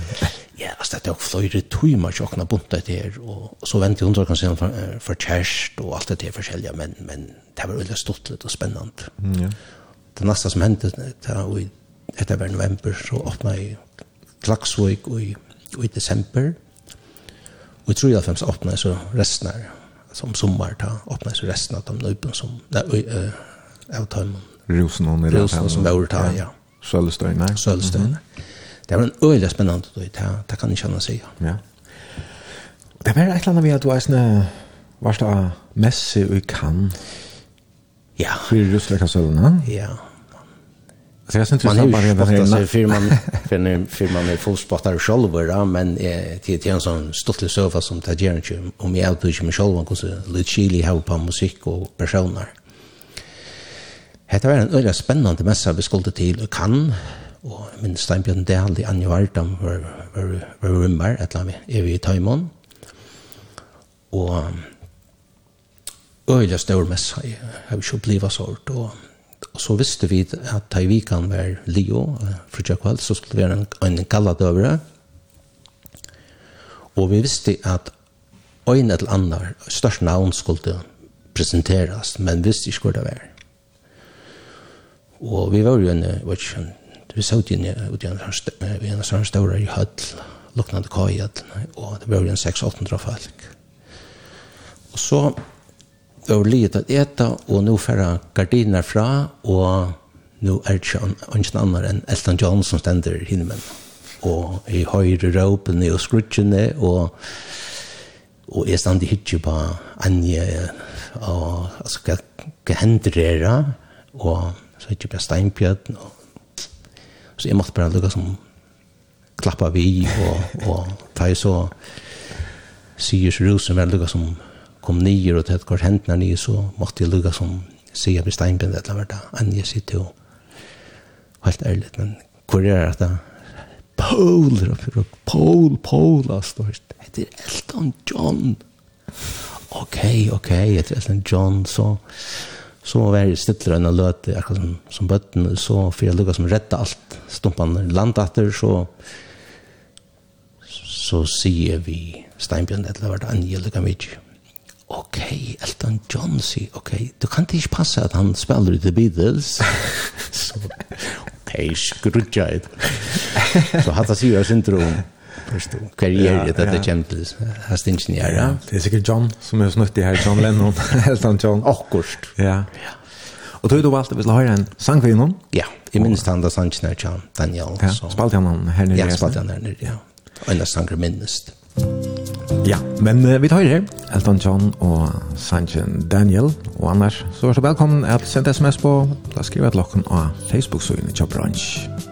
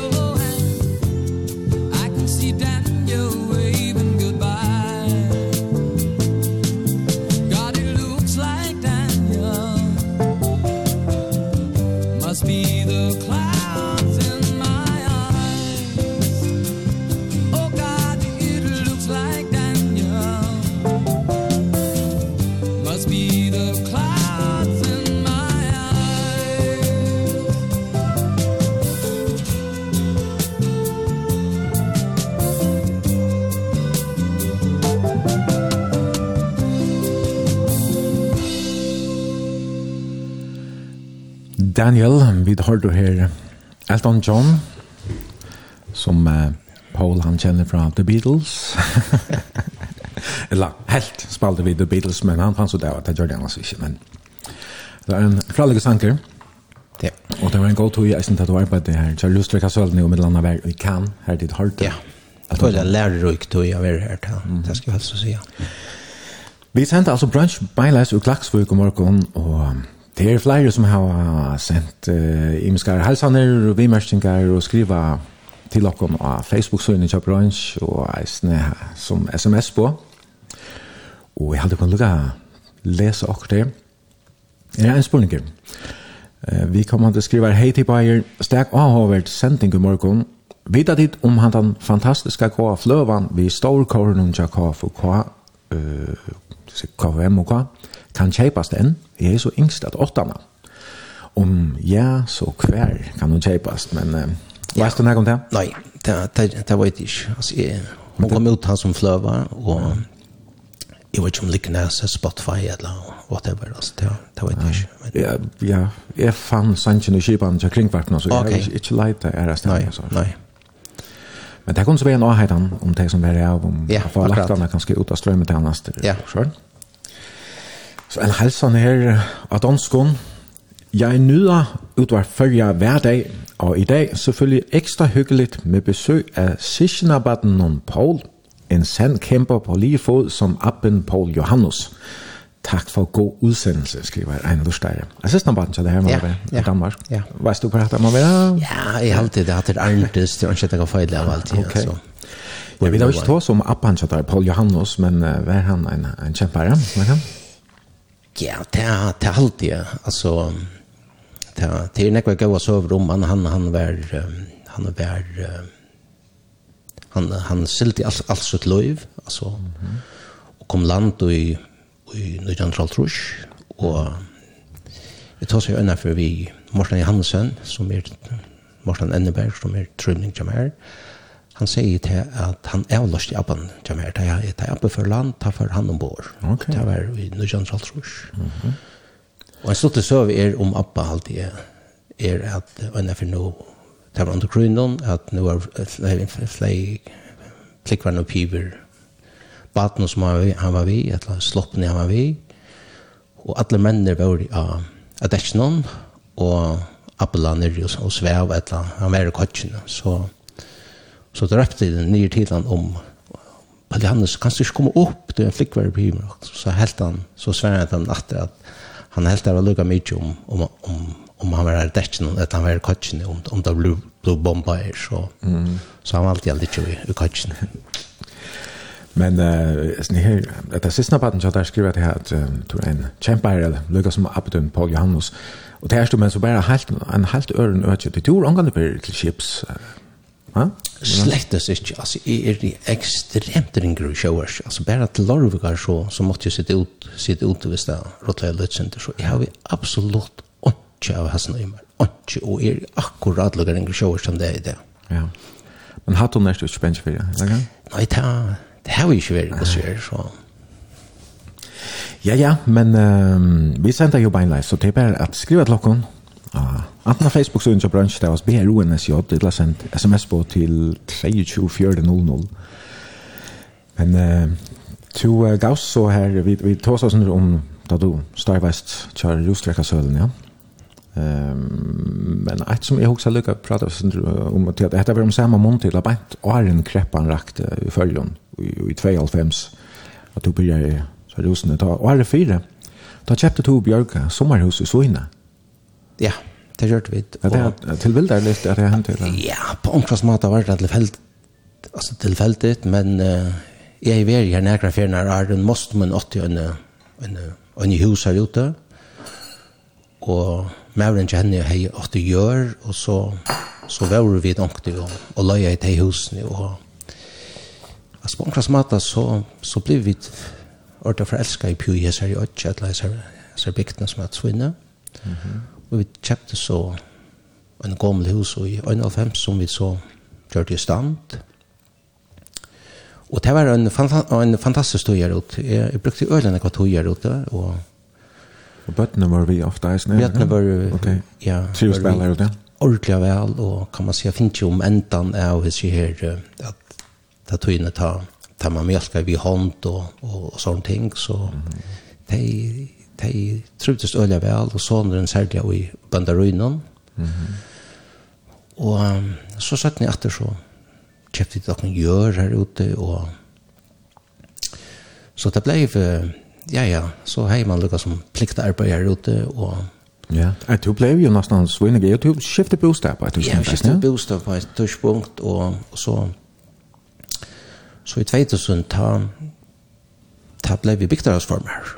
Mm. Og var her, det var bygdagsformer i fyra år, og det var sterk stått litt. Og, og, Men er, er det, er, som vi umynd okken, altså når man er bygdagsformer, at det er så, er det luksusløy? Nei, det er det, altså det er en, det er over huset vår, ta i tøyen, altså ta, ta var det bare, altså det er, det er, er, det er, det er, det det er, det er, det er, det er, det er, det är till helt säkert men och det är problem vi kan vara vatten och elektricitet och tvätten så runt att det byggt deras form så ska man måla en pera skulle skiftas där whatever där ja. Så okay. men um, och så är det här så så så som nämnde så köpte jag sin gör och så blev östen här så for meg, och det som særlig var stått litt, som jeg minnes øyelig godt at det var togene kvar vi brukte att att häckna. Alltså det så är det att det är en igen som som som gör den där oj han var öliga stor och vitt, öliga stor. Och så vi häcknar den rikve och onkte var vid mer än 20 folk kan man säga och och häckna i och och det var öliga lätt och Ja, och så så blev jag till forrige, nej, så blev jag um, Bygdagsform til till 2004 Og så byrja jeg, lukka bøttene vi var, da byrja jeg vera lukka som vaksen, og var fløyen, kan man sija, og i stedet for jeg bruka tøyene ut i søyene, så vil jeg alltid bruka tøyene saman vera vi, vi tøymen og, og i frytøyene, kan man sija. Døtteren bor i Danmark, og så vi valgte at uh, selge i 2008, og okay det var stortlet med det var stortlet, og jeg, vil si at jeg lønnes ikke ut av det, men jeg var veldig ofte her siden, og mm -hmm. nu følger jeg meg mer som en, en turist, som et eller annet, ja. et eller annet som lokaler. To, um, ja, det var i 2008 at jeg selte husen, ja? Ja. Uh, Nøkker år fra undan. ta, har du fortalt at Løyvis hadde brøttes da, det var 2004, her... Um, Her to uh, tog han halse rundt av neten om her det er det er vi jeg vil se eller lise i Ångstene ja og, og Ørsli det var, var ganske sånn det kjelskande eller kan? ja altså her lustig alle reia lampene som ja. kunne løse alt Hva var det for en rundt at det det var et eller annet at jeg hadde øyelig takt med meg selv at du skulle gjøre, gjøre en test altså du skulle helst være ærlig og hvis, hvis du ikke var ærlig så så gav de en gammening ja Og jeg valgte så at, at jeg gjør det på den gøy maten, og, og jeg valgte så simpelthen at totalt brøyta mot liv, altså jeg har ikke sagt det her til jeg spekler ikke kunne brøyta som at jeg røyna brøyta søys, at, at det var det som skulle brøytas. Og, Fikk du ikke en bo, fra, eller utslitt jeg sier her helserøntene, det var, det var nok så alarmerande, ja. og Du fikk på om uh, söka lackna av benen. Ja, ja, och sjåligt. Mm. Men det var jeg alt for stolt, stolt til, så, så jeg, jag valde hellre å gjøre det bra. jeg visste hva jeg skulle til, og Så, mm. så enkelt var det. Så det har å begynne å røre dig etter, eller kan? Ja, det har alltid... jeg, jeg, jeg valgte så å gjøre, og, og til er kanskje noe som ligger i meg, at jeg, jeg fikk gang til noe så er det all in, og det gjør det også nær, altså, og jeg, brøtte kost og, og, og sleppte i atlen tog svære og sånt og innenfor et halvt år så har jeg tapt 25 kilo i rundt med halva maraton for første fer og etter åretna så har jeg rundt mitt første maraton som er og jeg rundt ikke maraton og, men det første maraton er det beste maraton som jeg rundt så ja, det første, ja, ja. Og en tøyma og da jeg prøvde 30 tøymer og 90 minutter til å maraton så ja, det är med det rymliga godt, altså. Så tog man och tog man och vattnet va så tog in här så fra, jeg blir overrønter, og så där den har halvt maraton till ja, det är det inte. Ja, det det gjort det nu og, og, men det är krautar om här så. Mm. Så det gick. Men du du rann så var, var det ikke først och er til en stora kapping också Jo, så så valgte jeg at gjøre sint mer brosjur, altså jeg helt på en transmat mer at han var forstått for meg, og jeg var øye øssamatler, altså jeg har jeg har ikke nærkant som jeg kunne be å komme bimmer, og jeg økte nok snakk om kilometer til og og jeg har øyelig tatt at man egner kropp, men men så valgte jeg i 2012 at, at uh, renna sinte mer enn et maraton, og Da valgte jeg å renne på en holm rundt oppa, og til, til 100 kilometer. Det var lukket som mitt første, mitt første, min første lenge tøyner, altså, som heter ekstremt, eller hva vi kallar det. Ja. Og det her, jo er, um, for som det er, altså, for meg så jo er det som, Nej, som jag aldrig när klara att jag kan först och jag släpper hörs det. Jag tror jag tror på att det behöver komma färre gånger vi. Alltså hur ska man renna 100 km? Så jag runda, hvis jag runda en 5-6 km. Så är det trött alltså så så är vi hur jag 100.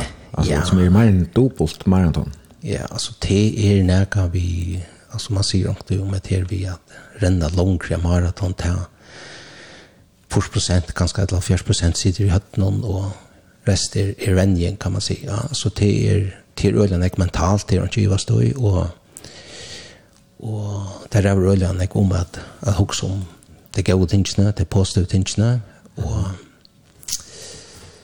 og så, så kommer hit til lukka som av seg selv, altså. Ja. Du uh, helt, helt fram vid at jeg vender seg her uh, lenge tegnene, altså da du ja. først har jøkken for det her 100 km, så, så har du slags Tömte du ikke bare vandret maraton langer eller land? Ble det ondsamt? Nei, det var, det var omgang det er sant? Altså, jeg, jeg, jeg rann også sammen vi, vi øren, men, men, men jeg brukte sånn i ølen jeg tog til at vennja til til at jeg renner lengt. Og så så valgte jeg 2012 at uh, var Øystein Bornholm. Jeg, jeg, jeg ble en pur forelsker i, i, i Bornholm. Det er en sånn fantastisk en fantastisk godt og fantastisk folk. Ja, varst du ikke en tru år her? Jo, jeg var tru fyra år her her. Og da 17 år ta taran i taran i tjejmaraton på 60 år. Og så hinne i årene ta taran i 40 timmar, altså ut i 8. Og okay. det beste som kom på alt, det var 106 kilometer på 40 timmar. Så... Tjej maraton på 60 år, det vill säga omkring det hade du runt två maraton. Ja, den Den sørste dagen runde vi tvei maraton klokken 6 om morgenen og klokken 2 om 17 barsten. Så, og løy nok som det gjør, var, eller som det var, så rann jeg mot sørste maraton. Eh, det var det beste togjen som rann på 30 timer 40 minutter. Så det var sinter, sinter løy, kan man si. Alle inne løy om 4 timer. Ok. Men uh, du har så eh ett lat om om heter monte blir du så är få åh för fjällen va alltså vet du jo jo ja alltså det var så att att vit är ett la vore en en baskera i Facebook som som släger oss samman till att gänga fjällene kan man säga samman och eller inte alltid samman. Onkel du var länge gå att tura samman. Eh Og jeg betrakter hetta ta som en restitusjon, altså fyrir kroppen, at lukkast med at få et blett underleg, munn til at, at renne asfaltet, og så ta og så Otni Jakobsen og i 2012 hei veri ja, ötlen toppen under ferdigjons, så så valgte jeg at uh, gjøre det på en annan måte, altså, så som jeg husker, jeg tog jeg hei omgang til hukse at jeg får at være på alle toppen for jo. Jeg valgte så å være til er tutsjeferner av tutsjeton høgste, det var 2012, det var sier hundraferner til samans av at de topp 800 som er tutsjefjall og omar fri 800. Og det ble så mye resultat kan man si, og Och så arbetar du lukar som fram emot att vara ha vara i Ötlund alltså. Ja. Hur så länge tog det där? Och du är i Ötlund först för. Ja, jag valde så bevisst kan man säga i 2013 att göra det så sköts som kunde då i du ska alltid ju vara avhängig av någon ötjon här som du inte bestämmer själv men jag valde så ta att göra det på Holtar kan man säga 340 tappar och jeg ble som nummer 2 i i, i røyene, kan man säga. og, og det kom förr at natt här. Ola Zakaria som er som den første kvinnan i til Arre. Og, og alt det her gjør det er tog at jeg ville renne langere strekninger og så mm. ut i verden. Ok. Du har jo sett flere føreske med eisene innenfor alt mulig, og min landa har Ja, det her vi har vært han sikkert eisen han første til å være tutsi, han hakste tutsi for to og Bjørk, konan, er en helst første perja, så i følgen som har vært sammen av Øtland, han tror ikke fjørte toppen. Ja, altså, hvis jeg skal komme inn at her, så er jeg, jeg fortsetter så at Lukas med gjør noen ekstreme redninger ut i verden, og så og så i 2014 ta um, var inne i Grekland og skulle renna et eller Malo er å renna 246 km og skulle klare det på 6-3 timer. Og de første forskilmeterne skulle du ikke få noen hjelp til supportering, altså. Og det var øyelig strengt, du ble kjekkere for hver 30 kilometer. Og og det var øyelig høyt, det var mellom 38 og 32 hittast i, og og så da jeg var kommet til forskilmeter, ta, ta sa jeg noe som Bjørk for første fer, kan man si, og jeg sier 820 tøymann her.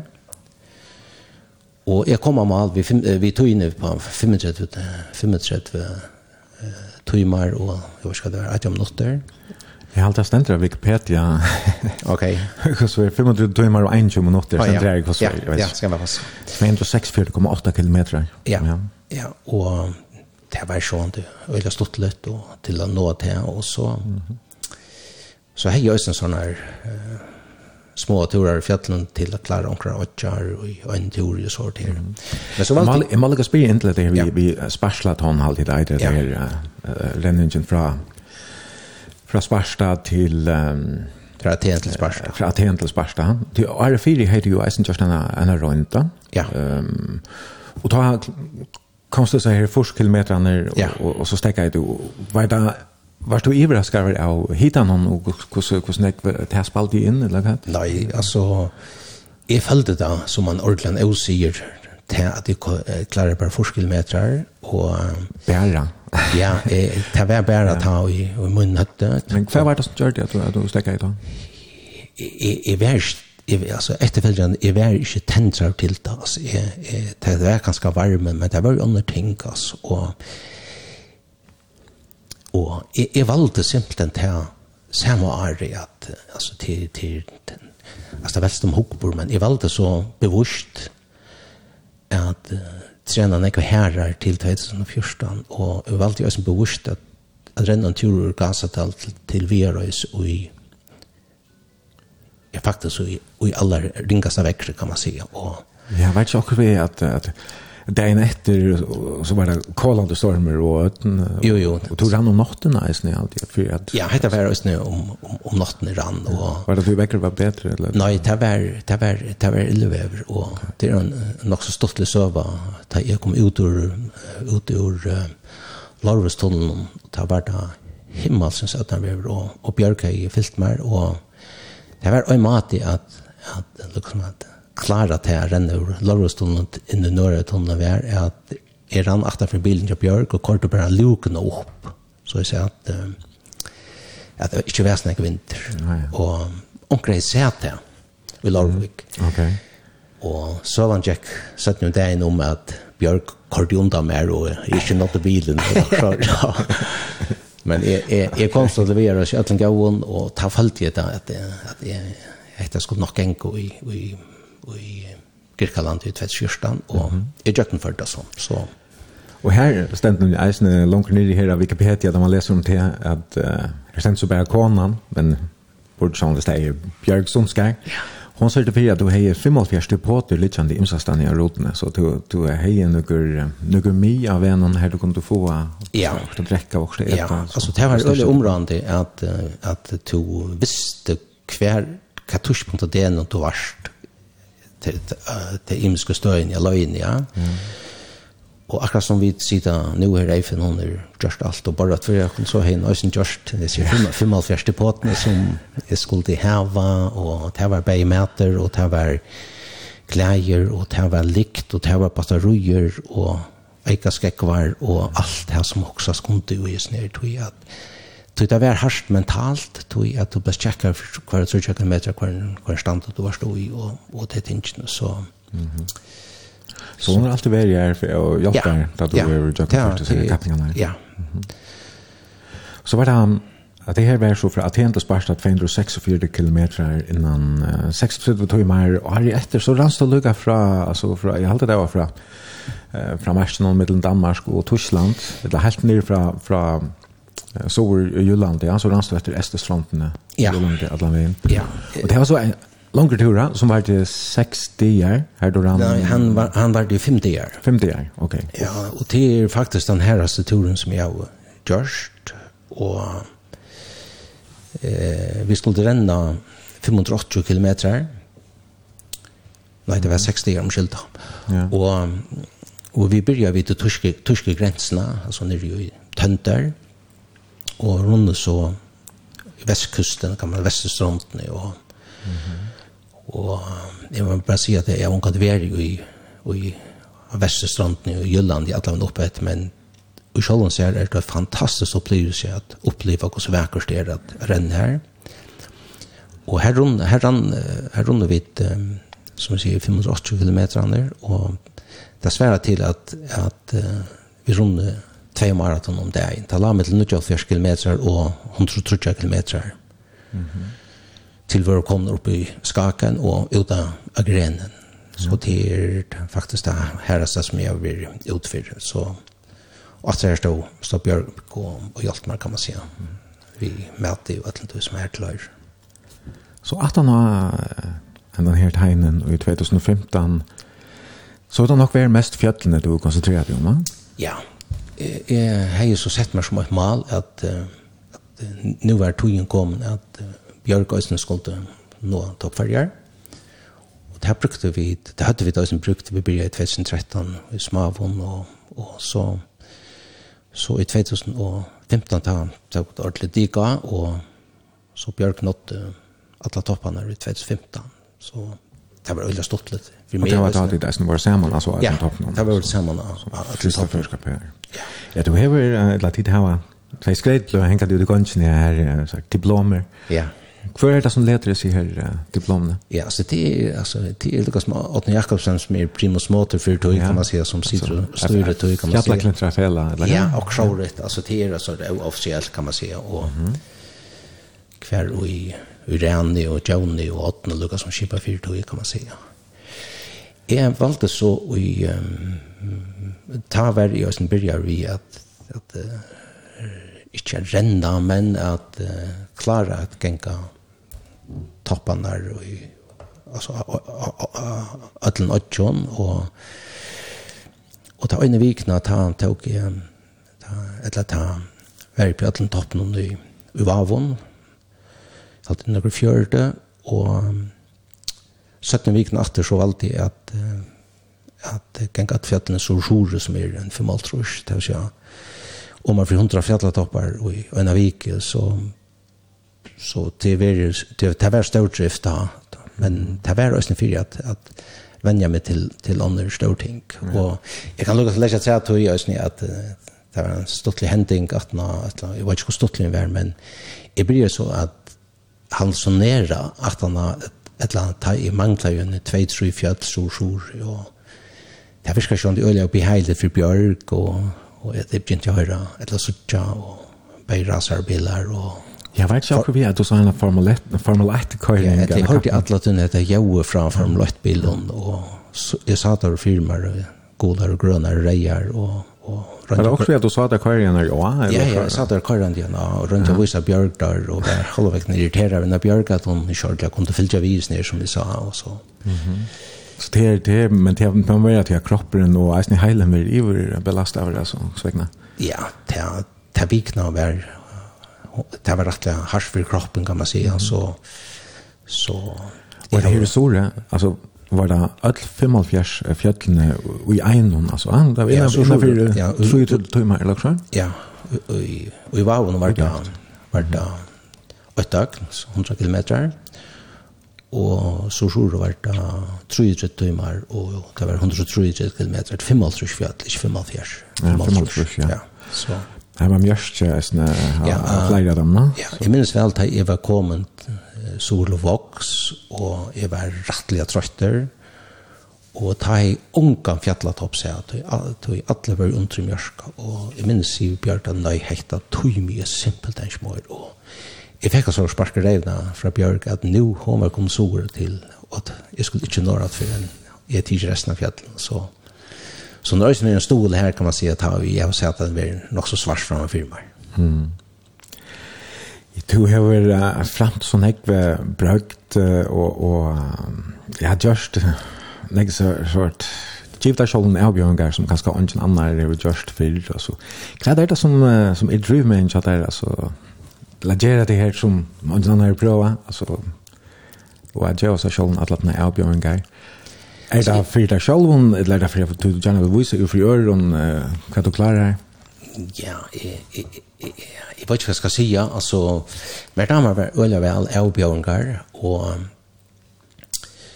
og damer, mer damer øyne vel å se dem er selv og mal, altså, og jeg halte aldren er ikke noe som skal få øynene for å se det som alt det er at landa ligger i, kan man si, i bækheisen og jammer.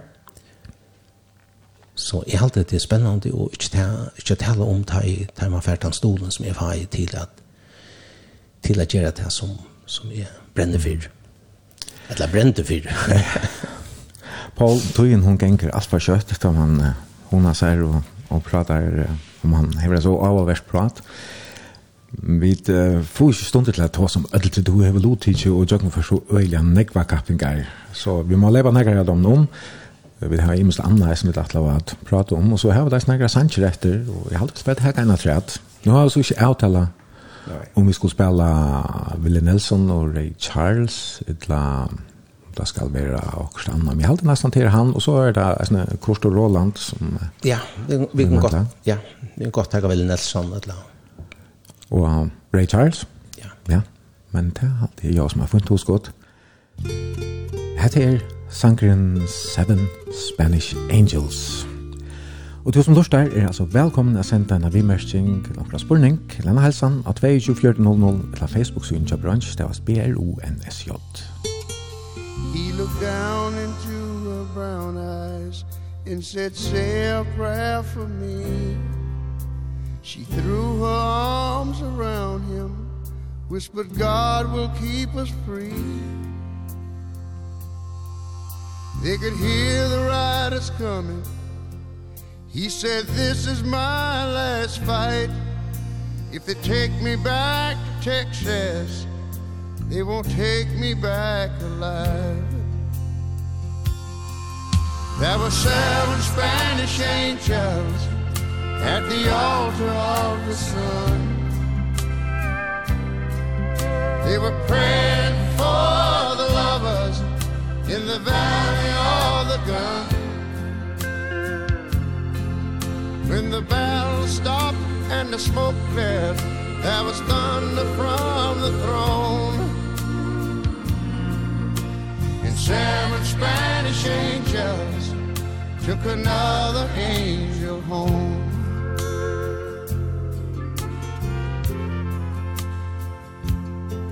She reached down and picked the gun up That lay smoking in his hand. She said, "Father, please forgive me. I can't make it without my man." And she knew the gun was empty, and she knew she couldn't win. But her final prayer was answered, when the rifles fired again. There were seven Spanish angels at the altar of sun. They were praying for the lovers in the valley of the gun. When the battle stopped and the smoke cleared there was thunder from the throne. And seven Spanish angels took another angel home. There were seven Spanish angels At the altar of the sun. They were praying for the lovers In the valley of the gun. When the battle stopped and the smoke cleared There was thunder from the throne. Seven Spanish angels Took another angel home. All right, y'all, help me now. There were seven Spanish angels At the altar At the altar.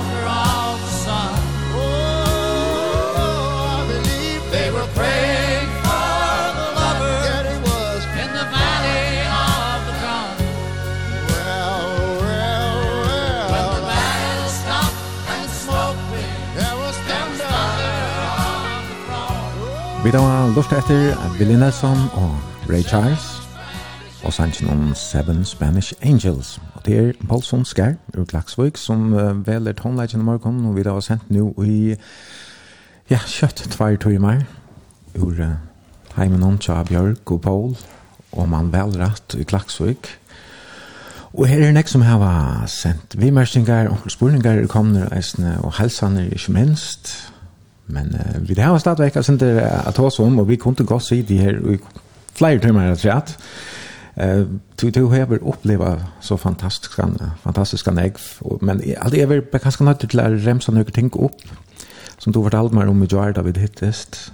Och med landa så i 2016 så tog en god vim över John Ard Larsen. Han kom i hoskoden att stola Alzheimer Alzheimerfällan och köpa för det när renning her til runde til havnare, så AHA så kunde um, stola vi en ja. jalti, og eisne snurra vi renna sammanvittig om mittlen uh, av oss bygter, eller ja. ja. smærre tegnare. Ja. Så enda de da vaklen om i havn, og det her uh, gav alls, Alzheimerfellan om kara, 300.000, eller? Ja, det var om sår, ta ta gauta gauta cirka halti 102 3000 eller så rätt. Mhm. Mm Och så efter hemåt. Så efter hemåt och ta börja vi det i i havnen till morgonen alltså klockan 5 morgonen och ta var Annika Olsen borgmästare hon rann vi och eller hon hon rann vi och nena det nena Høyvik och så så fylltest. Och så kom det kvalka träd och så ända vi då i i Klaksvøk, og Karjakon Skåren tar kom ut og ta et vi samlet det sammen inn, og Og til sammen gav den gav 300 kroner, og det er jeg øyla stolt av at Jannar, Jannar fann, fann opp at jeg lovet inn til at, at jeg skulle stål om vi renner ikke sjølvare. Ja. Og det var, det var ordentlig stolt litt. Øyla rørand. Ja. Ja, det var nesten om det her togjørska jeg ta, og du og Bjørk var i byrja, ja. Det er det største, det er noe fela ikke, det kan han? Ja, for 16. Ja, at arbeid, altså, fotla tog vi flere vinner. Ja. Ja Og fjellene, altså, du, du fortalte at ahuen for fjellene, han vaks bare, altså, du fikk bare mer og mer ahua for, for toga, og så, ja. så blir jeg nesten at det er flere venner, liksom, ja. jeg får. Jeg valgte så at, at Gjerna Heima så, og vi tar at jeg er så nekk og ofte i fjellene, og jeg er slår til, til, kan man si, alle toppene, alle bygdagøtene, daler, og, og alt mulig, så valgte jeg fra tog jeg Gjerna Heima så, og, og Jeg bjør kastet åkne fullt og helt og jeg der, altså all inn i 2016. Og jeg hadde gått større frem og undan, men vi tiltid at at her var nækka fær etter. Jeg finner ikke øyelig gøy eksponering fra Visit Fair Island. Jeg nek var journalister, fortalter i alle verden, som jeg tante i det har nått godt av. Mm -hmm. Og nått godt av, av det som tar å skriva. Og så Så det var det var uppenbart akkurat det som manglade, eller flera vänner manglade till att ja, det tid vunne så eisen heiren av uh, kosen Orsens og Atega vinner den om det var ja, 2016. Ja, ja. Og det var heima så gjerne her. Ja. Her det var det slower og ja. mynter og velegengar til uh, hvordan du kunne færa turer i ja. søsteren, ja? Ja. Og um, ja, tid, uh, altså, du hever altså heima så inn men uh, Ja, og det er ikke kommersiell, og det er litt alle slåner og, og alt det her ute, og folk kan bare fære inn og hittja, og, og tenke at det slåner nye som det er av hod til, og utan att kalla något som helst fyrt det. Och det hade nog ett bara paul.fo kan man finna. Ja, eller hike with paul, ja. Ja. Men det hade nog att göra är nog bättre än alltså. Ja, alltså ta ju i hej kasta mig då jag till så så var det ösnä. Måla kanske fyrir min skrivstol og jeg a bia meg, kan man si at det skøyve tøyene, altså utanfor sesongene. Så vi har kunnet, kunnet leve vel så igjen, vi begynner jo i 2016, og, og, og til vi øyelig, øyelig døylig, altså. Og et annet som er øyelig, øyelig, eh, godt halde jeg selv over til er at at at vi til følgen lukka som er byrja i morgen at ferast i egen land til selja er det sånn korona kom og her lett jeg også mest til hvordan jeg så igjen kommer vi vi vidja og og er øyne glad for at folk vidjana og takka slaver nyer og jeg er også glad for at at lukkans folk skriva til mun og, og spyrja og, og er avfyr deg og, og, og det er tingene til har vi det øyelig godt vi selger det. Mm -hmm. Og føringer blir jo av olvære færre i egen landet i 2020, da uh, korona kom, og man ikke kunne færre utenlands, ja. og jeg synes for jeg stod at de som arbeider i færre i Nyfølgen til at Tarra inntøkket, hun, hun dukka jo eisen en egen. Ja, og det var, det var utrolig godt, og det var også utrolig godt for meg at at større arbeidsplass for ut vi minne balkon, kan man säga, og og och på tamma han hemma natt. Och sen reagera kan man se och och och i corona tid så ta så man kan det ösna Lucas som leva to ja men uh, if you're för akkurat en år så igen. Ta ta stäcka i allt Lucas som upp ehm um, det kallar du rugande för så där och Du har jo greit fra hentingene i Ørensenting, og du varst med et eller annet i gang morgen før her, da i desember desembermann hadde en tvær måneder, 18 måneder, og du kan hente. Men ta varst du uh, nok så vel fire, men altså, nå er det et halvt år lige. Ja. Hvordan er støvende jo? Ja, altså, altså det her kortet vi rukan fer, kan man si, og, og, og tar man kortet vi sånne kvar fer som ikke gjør det, så er det kjøtt å få av få av letje og alt det her, og så hendte det som ikke skulle hente, og jeg fikk en stor skia, og, og fikk uh, uh, gaua hjelp, kan man si, utrolig gaua hjelp, altså, bare fra, fra til bjergjøkafalkene, og alt det som kunne lukka som bjerga mer. Ja, jeg også kanskje skulle vi lukka fortelle av altså, helt stort om hva det var som hendte, altså, hvis det er lust som ikke har hørt til. Ja, det, det spente det var at jeg i en ture nian av Seiringaskær som ligger norranfor i Åarskær, og Åarskær er tann gøtan, eller tann veven man gonger ur Klaksvig til 1804, det å si norranfor til han skulle hitje etter en ære. Hålet som et siste battja mer heier, jeg se som er, ikke er se selv når jeg kanskje ikke flere hundra fyrne fra bøyer, og det var lukket som ørende til morgenen, kan man si, og Og du fann hålen? Jeg fann hålen, og, og alt, alt kortes nå, mm -hmm. sånn gongt, og hette var morgen kallet en, en rålig tur til henda deg, hvis konan konen hver du er, kan man säga til hon er kort med låtene fjørar. mm -hmm. og Og vi om at så, så gikk jeg etter en, en ras, eller hva vi kallar det, pja en hamre, og skulle teka meg og lysen til langer nyan, og ta i trett jo på en støyn. Kanskje har vi haft hånden i lomman, og jeg vet slett ikke, uh, ta ferie atter i, jeg klarer ikke på andre støynen, og ferie atter i, og ferie bøltan til frøyen fattelig, 4-5 meter, og så herfra en trus av fjert meter om et, så jeg... Som du skruer, altså tjakken knus og... Ja, ja. og jeg, jeg, jeg var sånn til knuse, og det visste jeg sånn til å ta, at jeg, at jeg var søtt av ferden. Og så begynte vi at jeg måtte ha hjelp, og så kom, så kom Tyrland, og hon fann meg på en av i jeg en, en, en, en posisjon, at jeg var der, kan man si, hver hatta meter han var, og, og så knakta støvna. Og vinteren var, var for nekver, og, og til han kom til Lenta, og så var sendt på etter Norra Bjartskafeta, som gjør det kjempe, kjempe arbeid. Og så var det nødt til at bæra meg om han, men jeg var øyelig til fire ta til ta i lijen til Samuelsen. Tror jeg fyra timer, og var øyelig kalter, og var mer deir enn livant. Og, og jeg var rævlig til fire, og, og jeg ble så båren om han her som Tyrland han kunne kunde, kunde tacka meg opp, og så ble vi flotter til Havnar, där vi fikk en fantastiska möttöga av Tom Tömlandsjögrusen og hver dag kvitt seg og gjør det alt det som gjør det skuld. Ja. Og, og årsaken til at du uh, ganske, at, ja, som du sier, det var jo ekkelig, ekkelig tatt på, at du, du knustet det sånt, altså du breit uh, ritjen, ja, lærerstand og hele beinet og, og, og framten, og ja och allt möjligt men men du har ju några råd som du plattar ju över öron och som du är inte efter lite med men annat här det har GPS här vi och så alltid har varit tvär färdelfoner vi. Ja. Ganska så lite enkelt ting som har tvär färdelfoner som är trygg vi bara själva är ganska är det näck för som inte är tvär färdelfoner och du kan ganska bara ha av vissa. Ja. Och det är inte ju vad står att att det är som det du ju sitter det att du annars är slashiverig. Nej.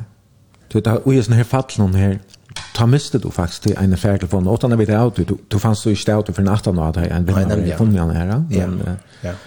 Og, men hadde du bare haft ena, så hadde du kanskje da du så kom om man og lå her, sånn du knuster, ikke haft mulighet for jeg ringte etter hjelp. Ja, akkurat, og det var det som, som Jonny fleste seg vimmer, som sent vi alarmsensen den dagen, at, at nå skal du bare ta seg med meg, og og vi tok som telefonen, og jeg husker, ja, men jeg har jo tver telefoner, men det er jo slett, ikke. så Så det er regn ikke hon var och og med det jag kan man säga och och sen det att at jag bara skulle ta så vi hand och telefonen ulte alltså hon hon hon checkade høyt, og nå visste fast det att det var det som la här og nå var när du mer gengner, ner och så så ringte fast till Twin eller? Ja, alla faktisk. faktiskt. Men jag var sånn bin om ich ich schwär och då Så jeg skulle ikke bruke batterien og, og, og nå er det så at jeg har mistet inn telefonen og han visste ikke alt å ta så, så det var avmyndelig heppe kan man säga. Men, men det drar ut og, og du har resten greit fra en her går samråd vi er Randve Fossapper vi går morgenførjer som ja. er sendt ut i desember måned ja. at du helt ta en løte at uh, dette var enten ja jeg, jeg, jeg kan si at så å si at jeg halte meg selv når jeg var helt så på tekka mm -hmm.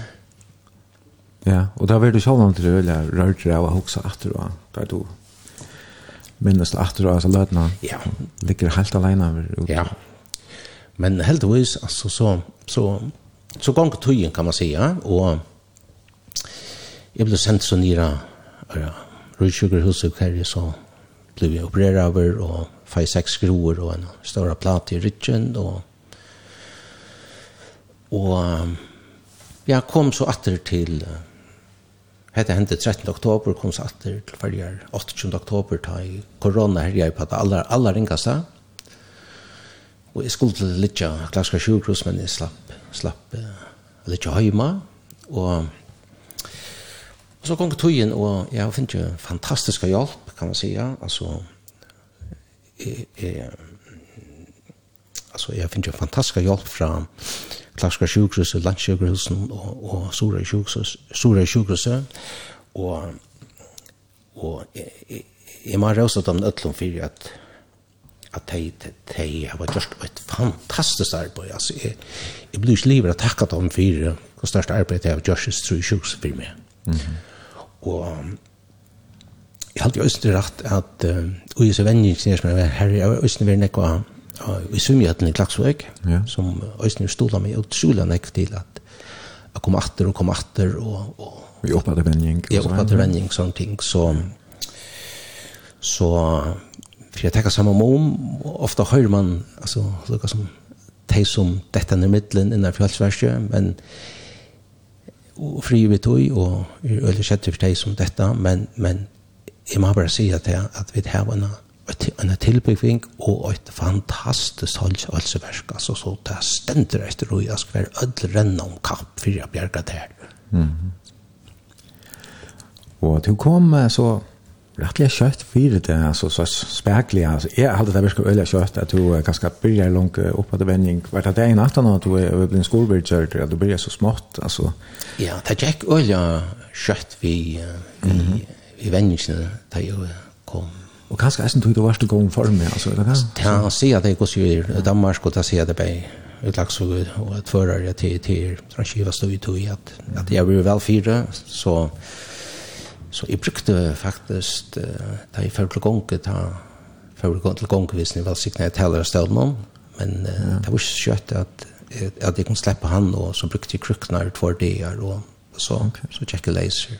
Mm Nu er ett år så igjen, og um, du kommer vel for det, men her er det helt sikkert eisen en eh, det er helt sikkert hvor avskar enn av, av åhapp noen um, hver er det utlitten for at du blir altså, som er helt for det, altså blir du nekkant til lukka vel for som du var ståren alltså jeg er en med kamp, kamp kan man säga, og jeg, jeg vil ikke Jeg vet ikke, man skal den gamle Paul Atter til å være omgang. Ikke den ekstreme, altså ikke på hand om at den kurser? Nei, nei. Jeg har, altså det som kan man si, holdt om, og bare så ikke være løpende i øynene, at det er det ikke, og jeg har jo andre ting at dreas vi, og, og så er fokus på andre ting, altså jeg vil yngst at, at jeg er gongt ved en bøk, kan man si, fra språtan om, og, og, og jeg har jo haft orske til at, gjøre det som, er, som ligger av munnen heron,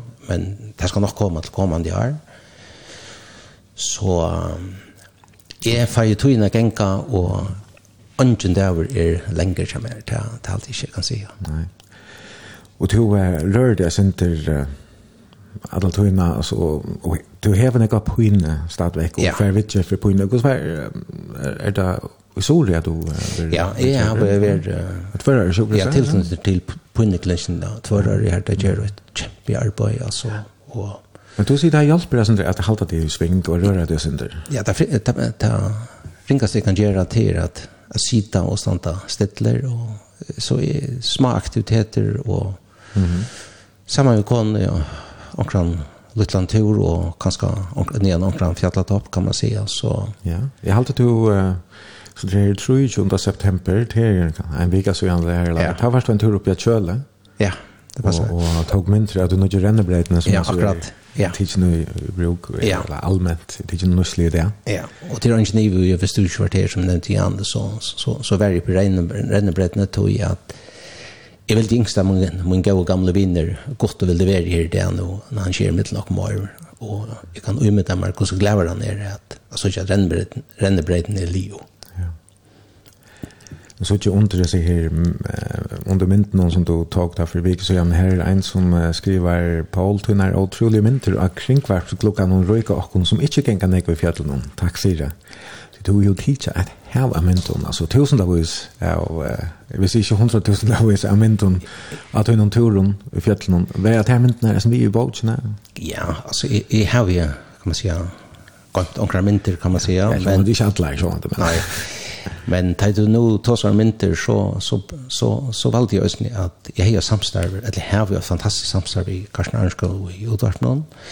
Men så valde jeg mer formelt, kan man säga, at at uh, lukka som at att jeva kringvart noen atla mina mynter og det er jo, jeg vet ikke at 90.000 mynter, etla 130.000 samanskvær, ganske onker er tverfna fire og det er jo det er jeg glad for at kringkaffer kan, kan vise det fram, og jeg mest jo sånne gledene fra, fra Nekvon som sitter i Etles og Rektarheimen, og, og som sitter hjemme og, og njøter seg myndene av kringkaffer. Og, mm -hmm. og takk meg for og det er jeg utrolig glad for, så jeg at folk kunne lukke som släppa ner det här myndena som jag tycker ur rör och vinklen kan man säga som, som inte är så. Så här är det ganska nära att han bäst är i bogen, Og så er det Åtne Dahl som skriver om, om uh, det her sisøvelige. Og, ja, så litt Morten i reisen skriver sin tro i her, så han vil veldig avhåverd. Det var om Gjerfrøyene? eller? Ja. Mm -hmm. Ja, men det var avhåverd. Men uh, du har en virkje sammen med Bjørk, kvonden, ja? Ja. Färre ja, det, ja, alltså akkurat nu ligger det kan man säga att ett lätt helt ligger stilt nu i, i ett år. Så, Men du det er jo nok snakket sånn, nu telefonsupport det vad ska säga. Jo, nu tog lutet det center jar kan man säga att det är det alla tog så Så jag vill färgen hjälpa folk som, som stannar i IVA om de kan veta att skulle gänga på en fjällatopp och vi ser kan hjälpa dem vid det så frier vi tog oss. Sända dem ruter och ja. att de går run. Ja, ja. Og hva er det råd hever annars til ånder som færre færa fjøtlen fjöllene? Jeg halte jeg av, jeg, jeg halte jeg veik at du færre svære. ja, jeg, jeg sier det her vi rann ved den 13. december, ja. og jeg stand vitt det samme. Altså, mm. jeg, jeg halte ikke man skal færa av samme atler. Nei. Det du annars gjørst nek vei og sjolv. Ja, det, alltså fortsatt 50 procent av alle mine vitleturen har vi varit vært av alltså atler, altså til Røntja, til Ivastøy. Ja. Men eh, man hever et standpunkt til man hever et nøyt til seg en sånn krak, og det har vi bare, altså, jeg, jeg, jeg vil bare si at det som er, at det er best hvis man er tvei, altså, ja, ja. det, det slipper seg bort, altså, han har hendt ikke mer, hei hent om det var tvei, men det har vært sin til ørvelse. Ja, Du er fast det sinte sin til tryggere, ja, ja, ja, ja, Absolut. Och, och det är vid telefonen då är med så förstår jag blir ensam att du inte haft en telefon. Ja, så är det tvär telefon akkurat så så så vet man inte vad det är hänt. Nej, nej. Så en en god ra här så ja, man man lär så länge man lever. Jag håller ja. Ska bröta det snä. Minns nä. To eh grätta man reisen fra jag att att du eh är snur rotas inte upp i här någon. Men annars fortalte du att du du där en år så samlade du 5000 patronhilser i Harry Havna. Ja, det var så løst jeg um, var nok skjød at du i 2013 var på Øtland Fjallatoppen og så jeg et annet mal til å være at jeg skulle pura av min ønting og takke atler altså atler patronhilser. Ja, patronhilser. Ja. Og det var alltid så å gjøre og tog jo vær kring alla färger och jag fick inte säga kvar var mest och kvar var minst eller så hårt men men ta ju så det var livet mitt om sommar så så talte det till gå 5000 hiltje hvis jag kan säga det så är mm -hmm. och så valde jag upp på en penan konstruktiva mat att lägga det ut i harbalchen tja tja tja en man som körde harder og det var äckvilliga vel med det tja och är passande han det er ju det altså at at du sørst har ikke det til gjerst men det er betydelig minka. Og, ja. og, og jeg halte jo også når folk er for noe som nekmer rundt da, at bevisst at jeg det vi atter. Ja. Nu har vi så att vi mynt och alltså här harmenar och att Ja, akkurat men jag tänker ta patron helt till. Ja, jag vet jag vet att göra det så. Du vet inte vilken lunch till det förra. Nej, jag väntar glädje till akkurat om man till där. Ja för så att vad du annars själv när kan det skjuta här och gud du skjuter i harre men det är inte akkurat det som är damas så öliga väl och eller känns ju i harre helt så Men Paul, jeg kom du å huske meg her mot enda en lykke at hørst, hvordan du sørste på ferievinnen i følgen og i det, og, og, og ganske eisende fremover.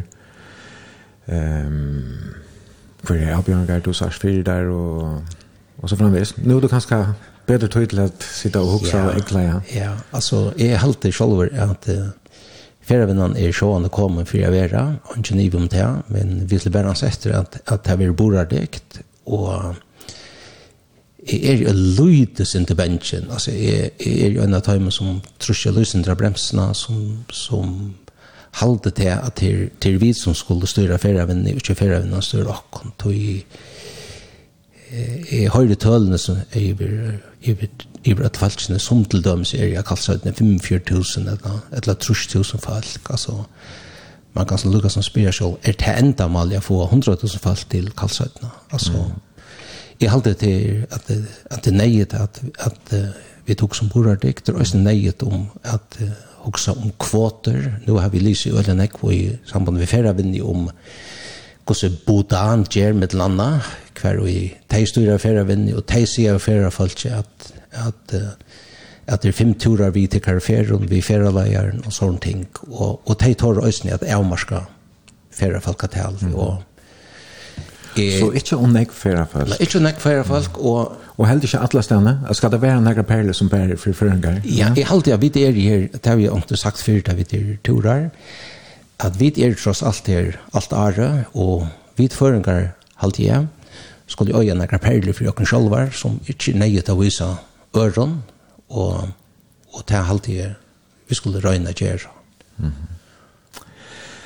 Paul, um, tøyen hun er via vera færen jokken, Jeg hadde også vært at uh, vi kan lese noen halsene her uh, mot rentene. Mm Og ja, her er komna nekvar helsander inna av er SMS-kipan og eisen Facebook-siden. Vi byrja for en ente av, så prøv å lese bare nøkker. Jeg skriver her, Paul er en kjempa som har nekvar gode suger.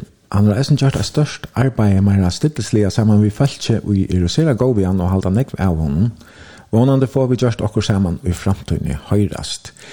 Nu vet jag inte, nu får jag också med det här mäkna till ett liv. Här är du eisne vid, du är en parstad av tog Ja, jag har varit i tajmen här och det har varit otroligt spännande och avvärst och till ett tränutje kapitel om min liv så jag ska säga det så här och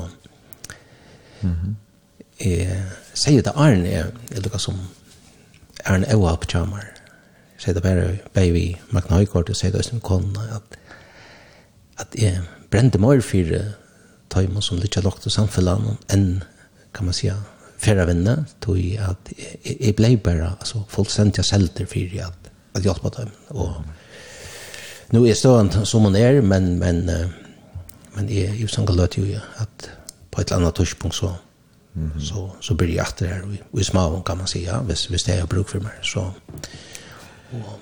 Ein luftar skriver her, Gåa Paul, vid fjallafelk heva så omedelja nekva takka deg fyrir. Som menneske og som guide skæra vi fram ur. Takk fyrir gåan beta. Ein annar her, Paul er ærne av at flere okkar hava rotje toppfølger. Takk fyrir Paul. Og så er det en som skriver her at du har uh, hjalt geologiskt institutt at korrigera hattarmatingar av fjöllun En annan skriver her, Paul har mengan vært meg over i Ravon, da jeg har gynnt i fjallen omkring alle ferger. Han kjenner først Gil og veit hvordan en tryggast kommer fram. Takk for god regne, Paul. Og at en annan her, Paul, du er en hetja, du har nekva at lære okken, din personlighet og livsens opplevelser er jo inspirerande. Jeg tror på deg, alt det beste, Paul. Ja, her er Øyla Nekvar, um, en annan er hei tilbake, du er heilig, Paul, så valsikna positiver, Det er ganske tog du vunnet det så vel atter at han har åhappet. Fantastisk. Gåa etne framöver og godt vikeskiftet til Bayer. Halsan ein okjender fan. eh, så det är en som helt jag ska spela det kostar damer damer Herjolf True men det lepa vi om, det han är färgen och att det är eller så nu smil kom natter. Ehm och så är det en som spyr om du helt fire lästrar om vandare och genka och renna fjöllnum. Men alltså stort svär är det något kanske. Ja, jag har jag har varit jag har varit alltså underst i Ronavik och Laxvik och ska nog till vars och sen då så i i Torsna kvällskola så. Och sen drar jag. Ja. En annan skriver her, takk for alle myndene og videoturene ur Heanon, som du lotar vi åkken Facebook. Det store arbeidet du legger etter til vid notaten til oppløsning til Isberghissene. Fantastisk. Så er det en som skriver her, spyr Paul hvordan han kjøpte skekvar i Danmark.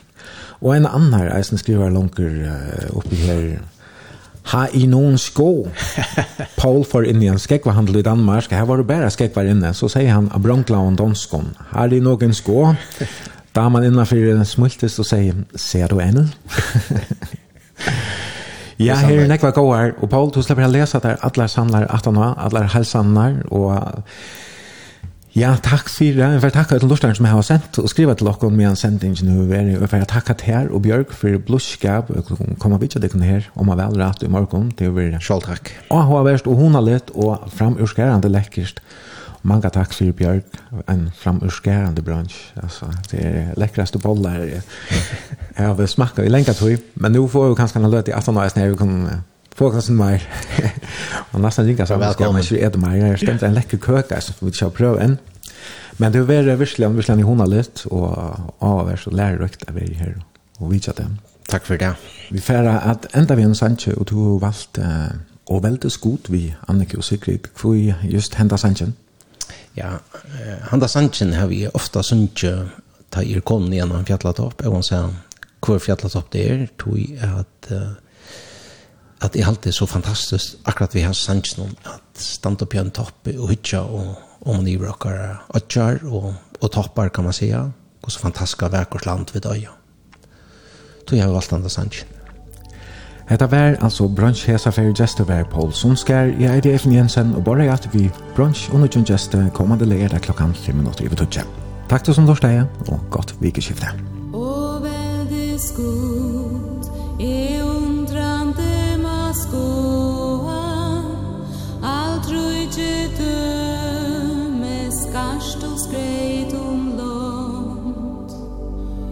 stjärnor fjöld och för grund himmel